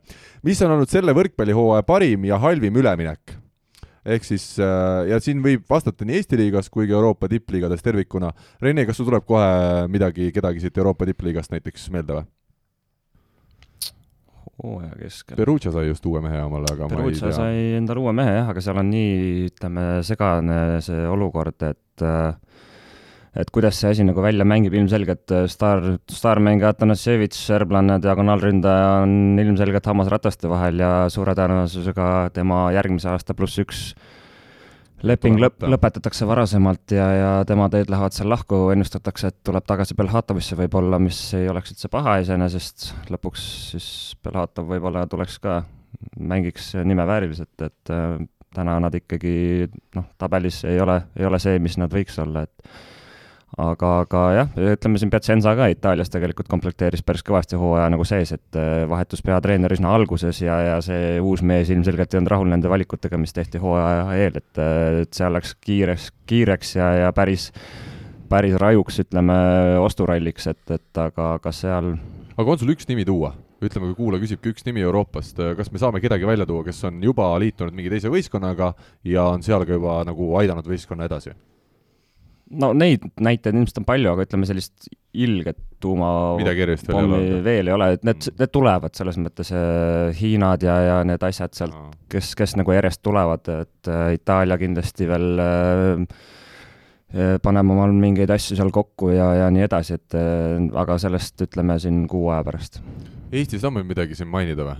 me peame vist vaatama Saaremaa Saaremaa ümber. Tuš läks, sai kohe mängida natuke, et. jah, et äh, Tuši üleminek siis äh, Eesti kõrgliigast Itaalia tippklub, ütleme tippklubisse, vaid tippliigasse, parimasse liigasse Padova meeskonda ja seal oli kohe esimeses mängus väljakul ka, et see on ikka päris kõva samm. jah, teises vist, et ta, ma arvan, et teda ei jõutud üles anda esimeseks mänguks. ei olnud veel vist päris kindel, ma arvan, et see reisimine ja need mingid testivärgid ka seal olid mängus natukene, et ta seda teist mängu ka otseselt ei alustanud aga, aga üsna kiiresti ta peale sai. sai püünelehet ikkagi kohe katsetati, et ei ole nii, et ta istub kuskil nurgas ja, ja kedagi ei huvita. Äh, Rivo, kas rannavõrkpallis ka mõni huvitav üleminek on olnud, keegi on vahetanud paarilist, oled ise mängima hakanud? ei ole siiamaani midagi, tegin siin ühe trenni kaasa, võitsin jälle kõik ja sain aru, et midagi ei ole muutunud. kes su paariline oli? ma arvan, et see, aa, te mängisite rannakunni, et kõigiga läbi või? ei, Ilja Leskov, kuna Semenov sai vigastada, siis ma ühe trenni püüdsin nendega kaasa ja ja sain aru, et ega seega ei ole siin midagi muutunud. kõik no, on, kõik on nii nagu enne. no aga see lihtsalt näitab seda Venemaa head südant, et su omad olelused hoiavad sind ikkagi, kui Rivo tuleb veel sedasi vigastuse pealt väljakule, et siis nad lasevad sul võita, et sul ka tuju hea oleks. kusjuures jah, kõik serviti selle Ilja peale, sest üks serv lõpus serviti mulle, siis pandi äss kohe väga hea. no me jah, midagi Eesti liigas me ei saa ju väga põhjapanevat üleminekut anda, kui nüüd siin ikkagi just jah, peeti silmas hooaja keskel, et Te-, Despotovskit me veel vaatame ja eks siis saab selgeks, Pärnakad tõid ka mulle mingi Venemaalt vist nurgamehe, aga ma ei tea jah, kas see üleminek on nüüd kinnitatud ka või ei ole, et minu meelest eilse seisuga veel ei olnud, aga ja saadet me teeme teisipäeval jälle. aga eks see siis saab selgeks, sest üleminekut saab kinnitada kuni viieteistkümnenda veebruarini aga tore oleks, kui ikkagi midagi Pärnu veel saaksid natukene juurde, oleks, oleks jälle see tummisem see hooaja lõpp. kuigi ei ole praegu, kui Lepik on tagasi, siis äh, Lepik Koosolins nurgameeste duo ei ole tegelikult kehva ja ma ei, ma ei tea, kas see uus mees üldse väljakule pääseks väga, aga läheme edasi ja Aare Alba küsib, retooriline küsimus seekord teile. kas võitjad võtavad ikka kõik, nagu väidetakse Rivo, kas võitjad võtavad ikka kõik? Jah, mina olen olnud sellistes ühiskondades, kus võtavad kõik ja sellistes, kus osad võtavad ja osad ei võta, et äh, Aha. ma jääks selle vastuse juurde. väga hea vastus. et kui auhinnafond on, siis ikka teistele jäetakse ka midagi, lihtsalt Aha. see võitja saab rohkem. Rene, kas võitja võtab kõik? No jääme selle juurde, jääme selle kohina juurde, see metsakohin, mis praegu Rene mikrofonist tuli, see jääb äh, lõpetama seda äh, vastust. Äh, aitäh, Aare, küsimuse eest, me ei osanud praegu tõesti midagi siin väga head tuli pakkuda. väga head. väga head tuli ja kolmas metsakohin tuli ka veel juurde. Meelis Koiv küsib, kui nüüd õigesti emaili maha kirjutasin.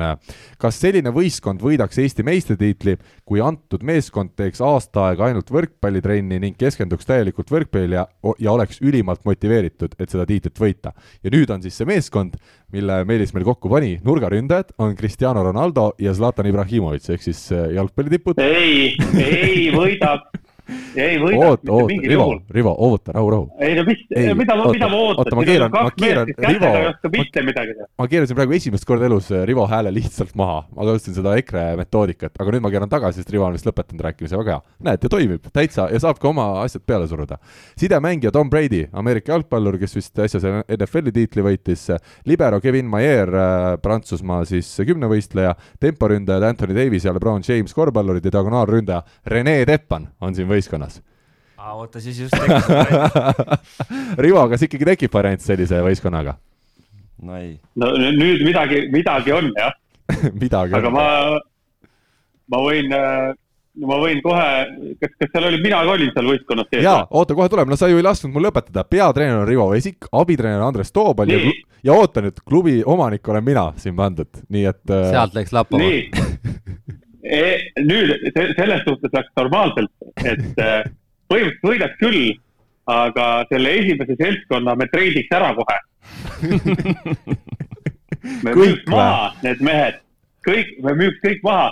ainuüksi Slaat-, üle, minu, ma võin ülejäänud lahti lasta, Slaatani müügi eest saab nii palju pappi, et me saame jumala normaalse võrkpallivõistkonna panna kurat, aga see on ka hea mõte jah, et jälle tuleb ärimees Rivo veel, ta ei mõtle, ta ei, sa ei mõtle nagu selle Meelise küsimusele, sa ei mõtle, et Meelisel oli hingel, oli teema, et kui tõesti Cristiano ja. Meelis, Meelis, Meelise küsimusele ma vastasin ei, selle võistkonnaga me ei võidaks midagi. Nad olid nii motiveeritud võidule, vaata, nad olid nii motiveeritud võidule, et nad olid nõus klubist lahkuma, et klubi see võistkond võidaks. nimel ohverdama oma, oma. täpselt, täpselt nii mm. -hmm. aga et, iseenesest ma tänaksin Meelist küsimuse eest, sest väga hästi ta pani siis just noh, igal alal oma nagu niisuguse vastava positsiooni mängija tõi üle meil siia võrkpalli ja, ja kui tõesti Rene on meil diagonaalis ka seal, ütleme näiteks Lebroniga koos läheb plokki, kujutate ette, Lebron James ja Rene Teppan on plokis, kumb kõrgemal on? kui ütleme äh, kusjuures, äh, kus, kusjuures Lebron James ja Anthony Davis oli seal teine mees, need mängivad võrku küll. Need äh, väidetavalt ikka off-season'il Los Angeleses käivad pidevalt mängimas. no vot. põhimõtteliselt kogu LA Lakersi võistkond pidavat mängima võrkpalli ühte või, või teist, ühel või teisel tasemel, et no aga siis. käivad rannas toksimas. no jah, no aga siis hakkab ju võistkond. ega Eestiski ju kossumehed ju, Kangur peaks päris okei okay olema rannas ju. jah. Kangur on okei okay,, Talt saab hakkama, Arbet on okei okay,, noh, vanakooli mehed ikka toksivad jah mm. -hmm selge, aga väga hea küsimus, väga vahva, kahjuks jah, ei saanud siit Rivolt nüüd väga-väga head vastust, aga eks Rivo ka annab endast parima. ei on vastus. ja, ja koroonast, vastus on ei. koroonast tulles, eks Rivo on ka natukene ikkagi äh, füüsiliselt, vaimselt nõrgem ja ei tule kohe sellist äh, head vastust alati. aga mulle meeldis see, et ma oleks klubi omanik, et ma oleks klubi omanik, ma vahetaks kohe peatreeneri ära, et siis. see on MTÜ, et sa ei saa, ei saa Aa, midagi. ei saa jah, okei okay., no ikka teeme, võrkpalli nimel ikka teeme. Jõudu ja jaksu, mehed, väga äge saade, ütleb meil Meelis lõpul, lõpuks, nii et äh, täname Meelist hea küsimuse küsimuse eest ja soovime sullegi jõudu ja jaksu, väga äge küsimus. Martin äh, küsib ja Martini perekonnanimi on Suits, kui ma nüüd õigesti aru saan. tere, küsimus teisipäevase saate jaoks. noh, ta näed, ta juba teab, et me salvestame teisipäeval. meil on kuulajad, on, lisavad detaile, mis meile meeldivad, sest võrkpallimäng on ka detailidest koosnev. kui hästi saaks hakkama Viljar Loor tänases Eesti-Läti liigas? kellega sujuks koostöö kõige paremini, mis klubis oleks ta kõige efektiivsem? vot see on nüüd küsimus, millele mina ütlen, mina ei julge vastata olles näinud üksikuid kaadreid Viljar Loori olümpiafinaalist äh, Moskvas, siis äh, see on liiga vähe. no me saame keerutada natukene ja ma ei tea, võtame paralleeliks, äh, ma ei tea, mingi Larry Bird täna NBA-s, kas saaks hakkama? oma selle füüsiliste nojah, mäng on nii palju muutunud, et Rivo, tahad midagi rääkida, tuld enda peale veits võtta või? ma arvan, et vaata, selle pealt saaks nagu hästi, et okei okay,, mäng on nii teine lihtsalt, aga just see mentaliteedi poole pealt oleks kindlasti nagu, ma arvan, igal juhul tipp, et see selles mõttes mängutarkus ja ütleme no kõik jah, see pool. selles mõttes, et kui, kui see kand-, kanda nagu üle sama mentaliteet nagu ja samad treeningprotsessid nagu praegusesse, siis ma arvan, et ma ei mäleta, kui ma arvan, et Viljar Loor ise oleks, me näeks teistsugust Viljar Loori ka, kui ta tänapäevaste asjade järgi nagu toimetaks selles suhtes. jaa, et, et selle järgi kindlasti, ma arvan, ja noh, liigas Füska tal vist oli ka päris kõva, et jah mm, -hmm. et ma arvan ka, et no pigem, ei, ei, saab hakkama ikka. ei no oleks ta tänasesse päeva saab. sündinud, siis ta kindlasti saaks hakkama, see on selge. see on, see on nagu, sellel pole üldse nagu küsimust, on ju. ma üritasin välja uurida, kas te, te teate, pikk on Vill-, pikk oli Viljar Loor äh, ta oli, eks ole, meil, kuidas ta omal ajal oli, ta oli temporündaja, aga ta võttis ka servi vastu, toona mängiti no, vist nii, kindlasti jah mm. -hmm. aga, aga kui võtta nüüd, et kus ta kõige efektiivsem oleks, noh, eks see praegult peaks olema selle järgi vaatama, et sada üheksakümmend kuus sentimeetrit pikk. no ikkagi Eesti liigas täiesti ka temporündaja võib olla sada üheksakümmend kuus. et äh, no meil kes... oli TTÜ-s oli vaja kogemust jah Pushijat. et, et äh, sellisel juhul niisugune sidemängija, kes, kes, kes kõige rohkem võib-olla sinna temposse nagu armastab lasta ka, et ikka Tartu poole? üks on kindlasti Tartu ja võib-olla kui siin liiga mõttes võtta, siis siis võib-olla ka sealt mõni, mõni Läti tiim, et Eesti omadest siin võib-olla rohkem neid tempo nagu siukseid hästi palju temposse laskvaid äh, sidesid nii väga ei olegi, et. Äh. aga kui nüüd hiilgeajal loor tuleks näiteks väljakule, ma arvan isegi Martti Keel hakkaks temposse laskma nii, et vähe ei ole. iga pall läheks keskele. noh, eks siis need sided saaksid sõimu ka, ma arvan. nii, aga Rivo, sinu hinnang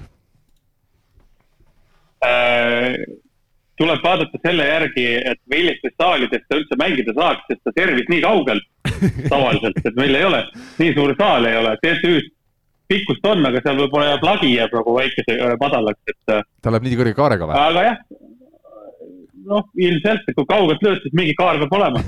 aga ma arvan, et Rene ütles väga hästi selle kohta, et, et see oleks teistmoodi mängija ja tema võrkpalli IQ pealt, ma arvan, ta mängiks küll siin liigas, mis võistkonnas, kas see on oluline, ma arvan, et mitte. selge, väga hästi öeldud. liigas, liigas ta saaks hakkama mina arvan, et TalTechi spordihoone tehtigi äh, selle põhjal, et vaadata, kuidas Viljar Loor omal ajal servis ja, ja tehtigi, tuli välja, et tuleb teha pikk saal. Karl Aavik küsib meie käest, tere mehed, minul on mitu küsimust, esimene neist, kui meil räägitakse, et Eestis pole pärast Vennot ja Teppanit ühtegi noort diagonaalründajat peale kasvamas, kas oleks ka variant kodustada mõni välismaalane? selline võimalus on muidugi olemas, aga kas teie arvates oleks see isegi variant või peaks oma poistega ikkagi hakkama saama? Mina ütlen, mina olen see nii-öelda padurahvuslane, kes ütleb, et see, mis korvpallis on toimunud, et võtame kas või selle ühe legionäri, me mäng-, räägime koondistest, ma saan aru, et kui juba viiel teisel koondisel on äh, see üks võetud, siis see kuues, kes tahab medali eest võidelda, ta peab selle ka võtma mingites olukordades, kui tal mingi positsioonil on mängija puudu, aga noh, see ei ole normaalsus, kui on koondis, siis peaks olema ikkagi oma riigi mees, noh ma arvan ka, et klubi tegemised jäägu klubi tegemisteks ja koondise tegemised koondise tegemisteks, et äh, noh, ütleme siin oli õhus ju tegelikult mingi aeg Bašitski teema jah, et aga äh, noh, Basitskit selles mõttes ta, ta on ikkagi mingil määral, eks ole, eestlaste südamesse pugenud, et tal on siin oma nii-öelda minevik klubi võrkpalli näol, ta veedab väga palju aega Eestis, ta naine on eestlane ja nii edasi, et tal on seda kokkupuudet ja ta ei ole nagu selline, et suvaline mees kuskilt eh, Kolumbiast, on ju, et toome lihtsalt mängima ja muud nagu connection'it absoluutselt ei ole, et selles mõttes tema oleks selline võib-olla noh, teistsugune natukene näide aga, aga ma ikka, minu arust me oleme seda aru, arutanud ka ja ma ei mäleta küll, et keegi oleks öelnud, et oh, täiega tahaks mingit, ma ei tea, keda siia tuua, et et äh, ikkagi koondis on koondis, ma arvan jah, see muudaks kogu selle ülesehituse või mõtte nagu koondisest teistsuguseks, just ma ikkagi toonitan seda, et äh, hetkel olukorras, kus meil ei ole võrkpallis õnneks veel tavapärane see, et neid legionäre sedasi tuuakse ka koondisesse. et kui see hakkab muutuma tavapäraseks ja Eesti tahab tõesti Euroopa meistrivõistlustel medali eest näiteks mängida ja meil on tol hetkel puudu sidemängija ja kõik seda teevad, noh, siis, et võita medalit, tuleb võib-olla asjaga kaasas käia, kui see ei ole keelatud, aga teine moment on muidugi see, et Eesti riik ju ka ei lase väga lihtsalt kodakondsust võtta inimestel, kes jah, ja ma arvan ka, et see pigem ikkagi võiks käia nagu au pihta ka, et ja. me saame omadega hakkama, et jah, see Božitski näide on natukene teine, et ta ikkagi väga noorena tuli siia ja tegelikult selle noh, niisuguse võrkpalli juurde tee, nagu profivõrkpalli juurde tee ta siin sai ja ta oli natukene teist, teistsuguses sta-, staatuses siin, siin olles ja seda enam, et ema oli tal juba siin mänginud ja, ja nii edasi, et ja aga jah, et sellised teed pidi minna, et nüüd lihtsalt kedagi kodustada suvaliselt, et et ma ei näe ka sellel nagu pointi. Rivo äh,? nõus kui on ikkagi selles suhtes, kui keegi tuleb ja teeb kodakondsuse ise, mitte nii, et antakse talle midagi ja, ja keegi kuskilt aitab, et tuleb Eestisse, hakkab mängima, tuleb, teeb Eesti kodakondsuse keeleeksami, saab Eesti kodakondlaseks, siis miks mitte, on ju. Mm. aga et seda nagu spetsiaalselt push ida või sisse osta keegi ja maksta talle selle eest, et see ei ole minu jaoks ka nagu okei okay.. jah, see peab ikkagi olema mängija enda tahe nagu jah, täpselt.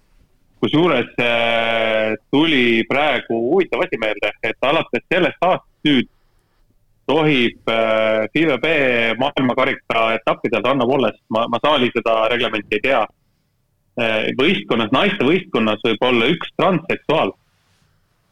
igas võistkonnas põhimõtteliselt. Noh. see oli jah. üks võib olla trans, mis on väga, väga selles suhtes huvitav ja minu arust nagu täiesti ajuvaba, et kuidas see reglementeeritud on, et seda tahaks päris edasi uurida, et sest noh, ütleme nii, et kui mina täna lõikaks ennast ümber, siis äh, ma arvan. ära tee seda, Rivo, Rivo, ära tee seda, ära tee ei, ma lihtsalt, ma lihtsalt toon näite, on ju. mina olen neljakümne aastane ja füüsilised võimed, isegi kui ma mitte mingit trenni ei tee, ma olen nagu nii palju tugevam ja, ja nii palju kiirem ja parem, on ju, pikem ka. et ma arvan, et ma noh, Eesti, Euroopast ma kvalifitseeruks olümpiale rahulikult. Et selle koha pealt hakkab, hakkab nagu maailm päris nagu lolliks minema, et no. kui me räägime siin mm. koondisse kellegi sisseostmisest, siis, siis see pool on nagu veel hullem. ja ma siin selle teemaga olen nõus jah, aga ma tean, et veel tänapäeva ühiskonnas on nii palju inimesi, keda, kelle jaoks see on väga hellvärk ja et peab kõik olema nii, et ma pikemalt siin ei, ei seis, seis, seisma ei jääks sellel teemal, et jah, meie sõnum on, et pigem see muudaks asja veel jaburamaks, et jah, aga läheme edasi, läheme, jube kurvaks võttis praegu teema. Rivo, ära, ära tee seda lihtsalt, see oli, et, et oled sa seal Araabia poolsaarel või mitte, aga jää oma juurte juurde. eks ma olen koroona poolt räsitud aga... see ei ole kohalik haigus, jah? Ei ole nii, aga Karli teine küsimus siis, palun nimetage ja tutvustage neid mängijaid, kel parema õnne või tervise korral oleks olnud silmapaistev võrkpallikarjäär. Sikaste nimi on küll läbi käinud saatest, aga kas on veel selliseid? näiteks Vaido Veek äh,, nii, mis see vastus on veel siis, kas, kes on sellised mängijad, kelle silmapaistev karjäär jäi meil tulemata? No Vaits oli jah, selles mõttes kindlasti üks mängija, kellel füüsilised eeldused olid kõik olemas, noh, kui ma ei eksi, siis tal olid teatud võib-olla mingid probleemid seal põlvedega äkki, sest ta oli noh, ta ei olnud selline skinny nii-öelda tüüp, et äh, ta oli ikkagi jõuline ja samas hüppas palju, et äh, et noh, eks, eks seal oli ilmselt see jõusaali pool ka, et nemad tookord ikkagi tegid seda vanakooli Aigor Kaibaldi järgi neid asju, et äh, kangi peal oli ikka, oli ikka alati raskusi ja, ja väga palju raskusi, et et, et äh, aga, aga noh, ma arvan, et äh, tema selles mõttes karjäär natuke võib-olla jäi ka selles, selle taha, et, et tal võib-olla, ma ei tea, kas ta koondisesse pääses kunagi? ta vist mingis nimekirjas äkki oli mingi hetk, aga aga ta oli ikkagi ka nagu ühe ja sama nagu treeneri all vist päris palju, et äh, ta, tal nagu võib-olla see võrkpallialane, võib-olla see abc kuidagi siis nagu oleks võinud olla. võib-olla noorena ka vaata, minu meelest ta on kuskilt Läänemaalt. jaa, ma juba leidsin mm. üles ka, et ta oli jah, Läänemaalt pärit ja ta kutsuti Eesti võrkpallikoondisse kahe tuhande kaheteistkümnendal aastal, aga minu arust ta mängukirja ei saanud jah, et aga mm. vot see ongi see, et kust ta selle alguse sai üldse ja, ja kui pikalt ta üldse võrkpalli juures oli, kui ta juba tegelikult äh, nii-öelda TTÜ võistkonna juurde sai, et jah. aga kes veel? noh, Sikastest me siis rääkima ei hakka, Sikastest no, ma arvan, et näiteks noh, ma mõtlen kuju mõttes jäi natukene nagu see poolikuks jäi kindlasti Kõresaare see tee, teekond, et oleks olnud nagu võimalik, aga noh, seal olid ka, eks füüsiliselt ja võib-olla mingil hetkel ka vaimselt poolelt noh, ei, ei, enam ei tahtnud seda võrkpalli niimoodi mängida ja aga Rivo, sul on kindlasti mõte. ma toon, ma toon ja ma absoluutselt, see üks nimi on Martti Rosenblatt, kes äh, kindlasti oleks võinud olla parem. kindlasti oleks võinud jõuda võrkpallist kaugemale äh, kui see, mis ta siin oli, on ju, mis ta Eestis mängis. Äh, aga noh, teda ju solgutati nurgast keskele igale poole mujale ja, ja see, et ta ei läinud Eestist välja, ma arvan, et sealt, sealt jäi tema nagu see tee pooleli jah, et ta tegelikult ju. ma parandan, Rivo, las ma parandan sind, ta mängis Küüjärven Küküs aastal kaks tuhat kaksteist. see ei lähe kirja, kõik on mänginud seal jah, see on vist seal, Soome. seal olen isegi, seal olen isegi mina, seal olen isegi mina mänginud jah, et, et Marti puhul. seal olen isegi mina mänginud jah, et Marti puhul tal mingi variant oli siin vahel Prantsusmaale minna, aga ta miskipärast ei läinud, et ma ei tea, mis, mis täpsemad need äh, seisud seal olid, igatahes ma tean, et Chamont talle pakkus, aga mingi hetk miskipärast arvati siin, et see ei ole piisavalt hea klubi ja lõpuks ta jäigi üldse välja minemata ja ega sealt nagu sai kindlasti üks pool sellest osast, et, et neid uusi väga palju enam ei tulnud ka, et ja noh, siis hakkaski pihta see trall selle temporündaja, nurgaründaja ja igast muude asjadega. no vot. ja te, teine, teine mängija, te võib-olla või vaidlete minuga vastu praegu siin tugevalt ja üldiselt Eesti rahvas eh, võib-olla arvab ka vastupidist, aga üks mängija on Argo Meresaar kes äh, me tegelikult ei tea, me tegelikult ei tea, mida see mees oleks võinud kuskil teha välismaal. ja et, et see. ta, ta käis korra Venemaal ja that's it. ja et eks ta saigi selle oma valusa kogemuse sealt, mis, mis tegelikult lõi päris, päris paljudel nagu selle, selle rütmi ikkagi ära ja ja hiljem need siuksed äh, vigastused ka siin vist, kas pärast seda oli tal see seljaasi või? Kas tal õlg ei olnud seal äh, peale Venemaad? võib-olla. üks, üks kahest tal igatahes oli, jah. ja et, et ja, ja noh, ja sealt nagu tõmbas selle hoo ikkagi maha, et äh, tegelikult jah, et, et ta läks ju sinna Venemaale ja sealt oleks võinud päris, päris hästi edasi purjetada, aga ega tal ei olnud see lihtne ja noh, nagu ta ise siin poolnaljaga ütleb, et neid, neid asju ta näeb veel seal uneski, et et ei olnud, ei olnud lihtne aasta. aga mina lisan siit omalt poolt. ütleme, ütleme, ütleme nii, ütleme nii, et ta läks ka kuradi, vabandust väljast, ta läks ka kohe sinna kus oli nagu kõige raskem. mitte, mitte ma ei mõtle Venemaa liigat, aga seda klubi ja seda treenerit, ta sai otse kuradi kõik võidu kätte, mis vähegi sai saada.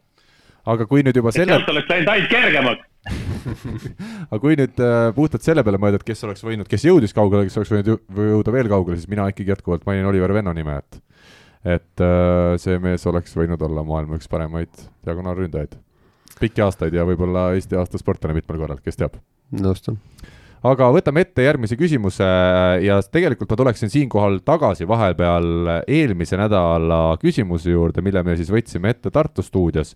Teno selle küsimuse küsis ja ma tahaks saada teada, kas teie olete selle valikuga nõus, mis meie seal Kristjan Kaisi ja Alar Rikbergiga tegime, ehk siis küsimus oli järgmine, millise võistkonna saaks kokku, kui Eesti võrkpallurid peaksid mängima mitte oma põhipositsioonil? meie leidsime, et sidemängija oleks Kristo Kollo.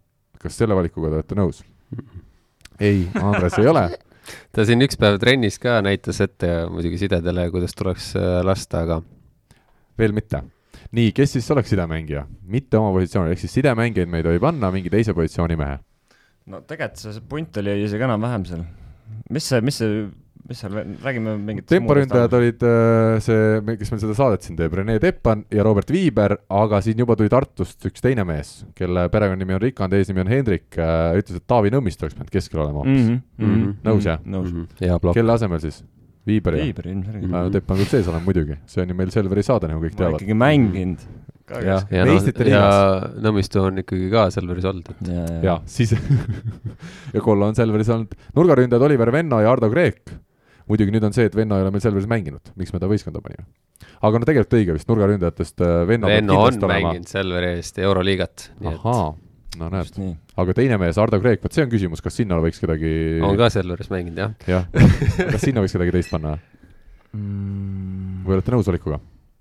no seal on see küsimus, et äh, Robbie ja Juhkami vist pandi sinna diagonaali positsiooni. no Robbie tegelikult ei ole kuskil, sest noh, diagonaali ah, okay. mahub üks mees ju kokku okay., et äh, võib-olla, kui nüüd nagu ajada siin eriti peenet asja, siis kui mõelda diagonaalide osas, Juhkami ja Kreek võiks päris nagu okei okay kombo olla.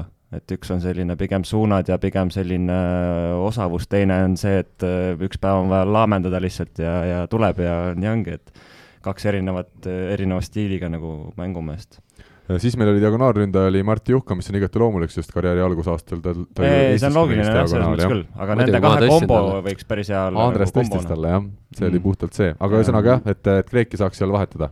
Robit me diagonaalis mängimas ei näeks või mm.? raskel hetkel ei no eks ta ikka nagu selles mõttes mängiks ära, aga, aga noh, ilmselgelt ta on ikkagi nurgaründaja, ütleme. kas tal see nelja pealt ründamine on nii suur tugevus või?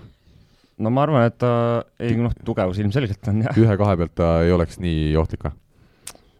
harjumise asi kindlasti ka, aga ütleme hetkel ma arvan, et tal on päris suur vahe ikkagi, kas ta ründab nelja või kahe pealt, et. kui ta suudab nii hästi keerata sinna pikki piiri nelja pealt ja, ja ka mm -hmm. diagonaali pealt no,. tehnika vahe juba tuleb sealt mm -hmm. nagu see, sa näed juba pealemineku pealt ära, et ta on teistmoodi noh ja liber oli meil, kui ma õigesti mäletan, Martti Keel seal siis mm..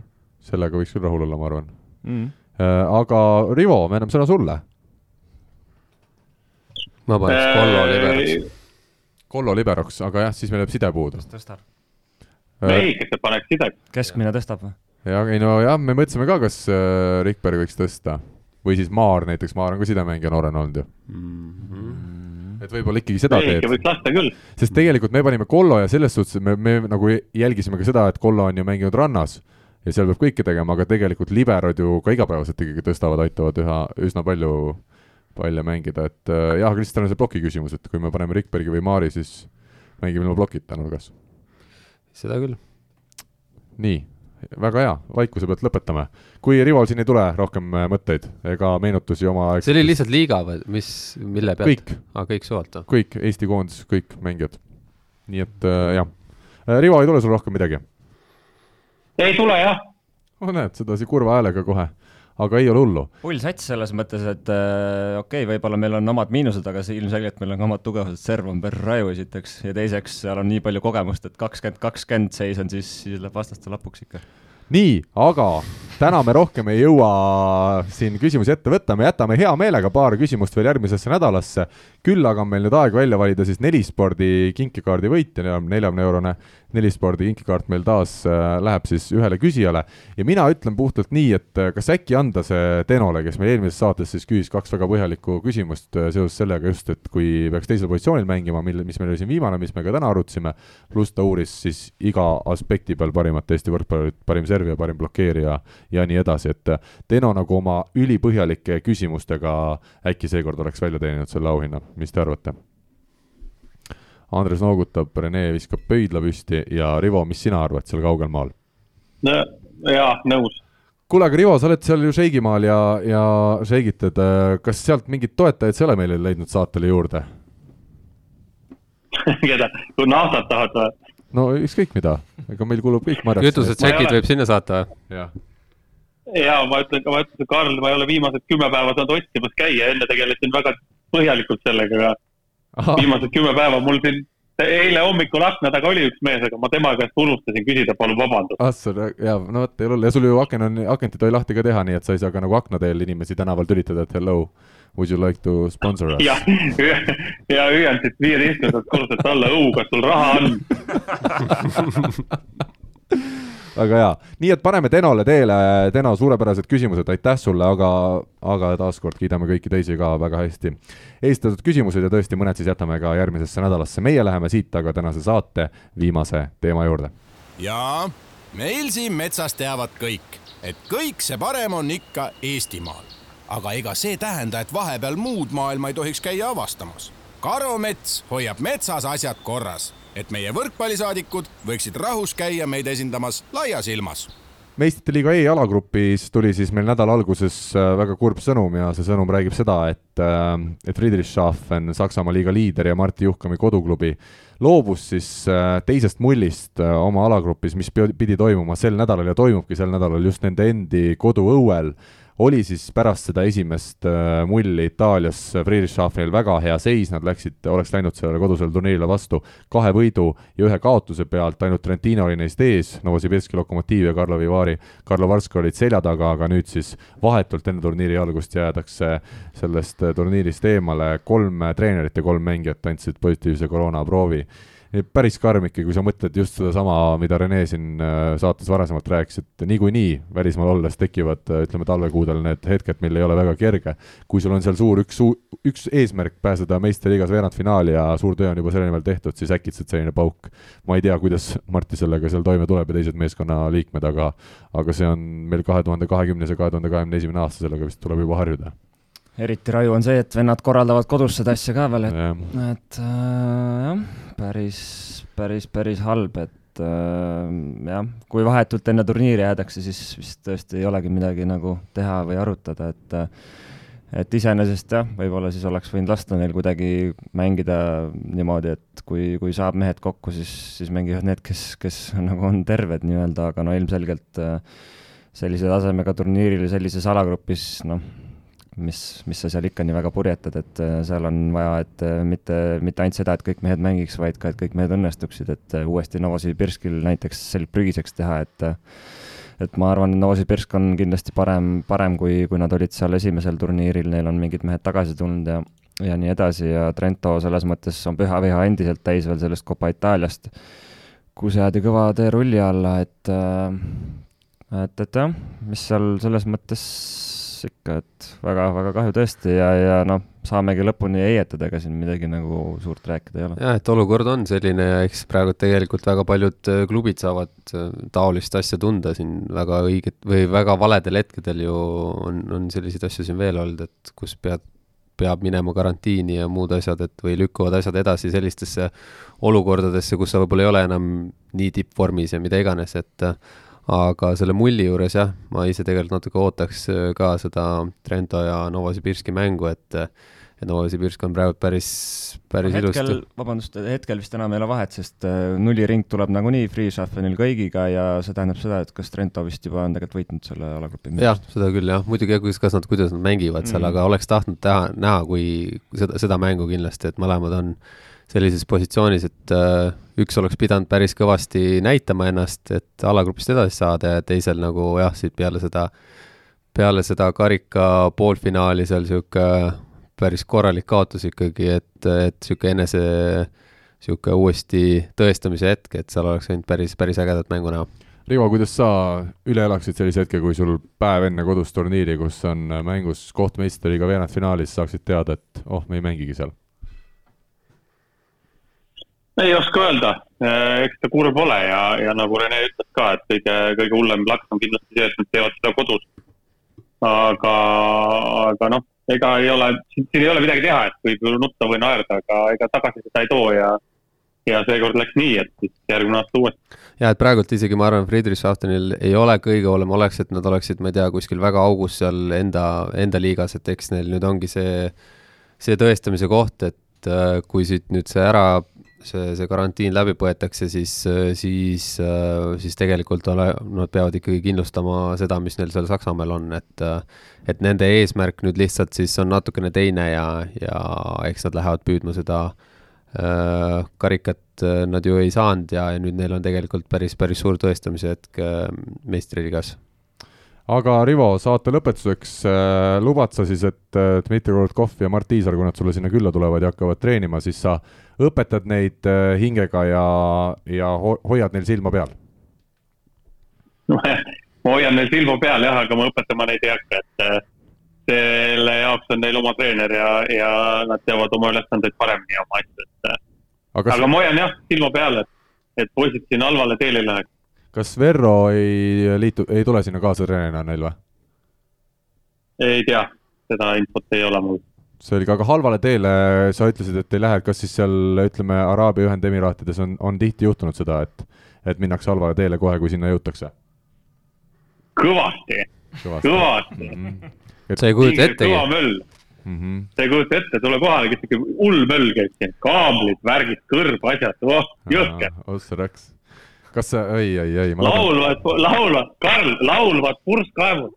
laulu. mida kõike ainult hing ihaldab. kas seal on Joala see purss ka pandud, et Joala laulab või? ei, ei, siin on Mait Maltise purss ka ja lõpetuseks, Rivo, Rivo, palun, ma tean, et sul on väga seda ah,. see oli nuude, kurat, sorry. Conora, Conora hetk, aga, aga palun meile Dolores, äh, mõned sõnad Dolorese laulust lõpetuseks. millal lõppes see? suur aitäh. millal algas see? head kuulajad. lõpetame ära selle pulli. ja head kuulajad ja head saates viibinud äh,, aitäh teile kõigile ja kohtume uuesti nädala pärast. tšau. tšau. tšau. Eesti kõige põnevamad podcastid on Delfis, kuula tasku.delfi.ee. ega edu pole jänes, mis seest ära jookseb, ärid on edukad Hammerheadi majades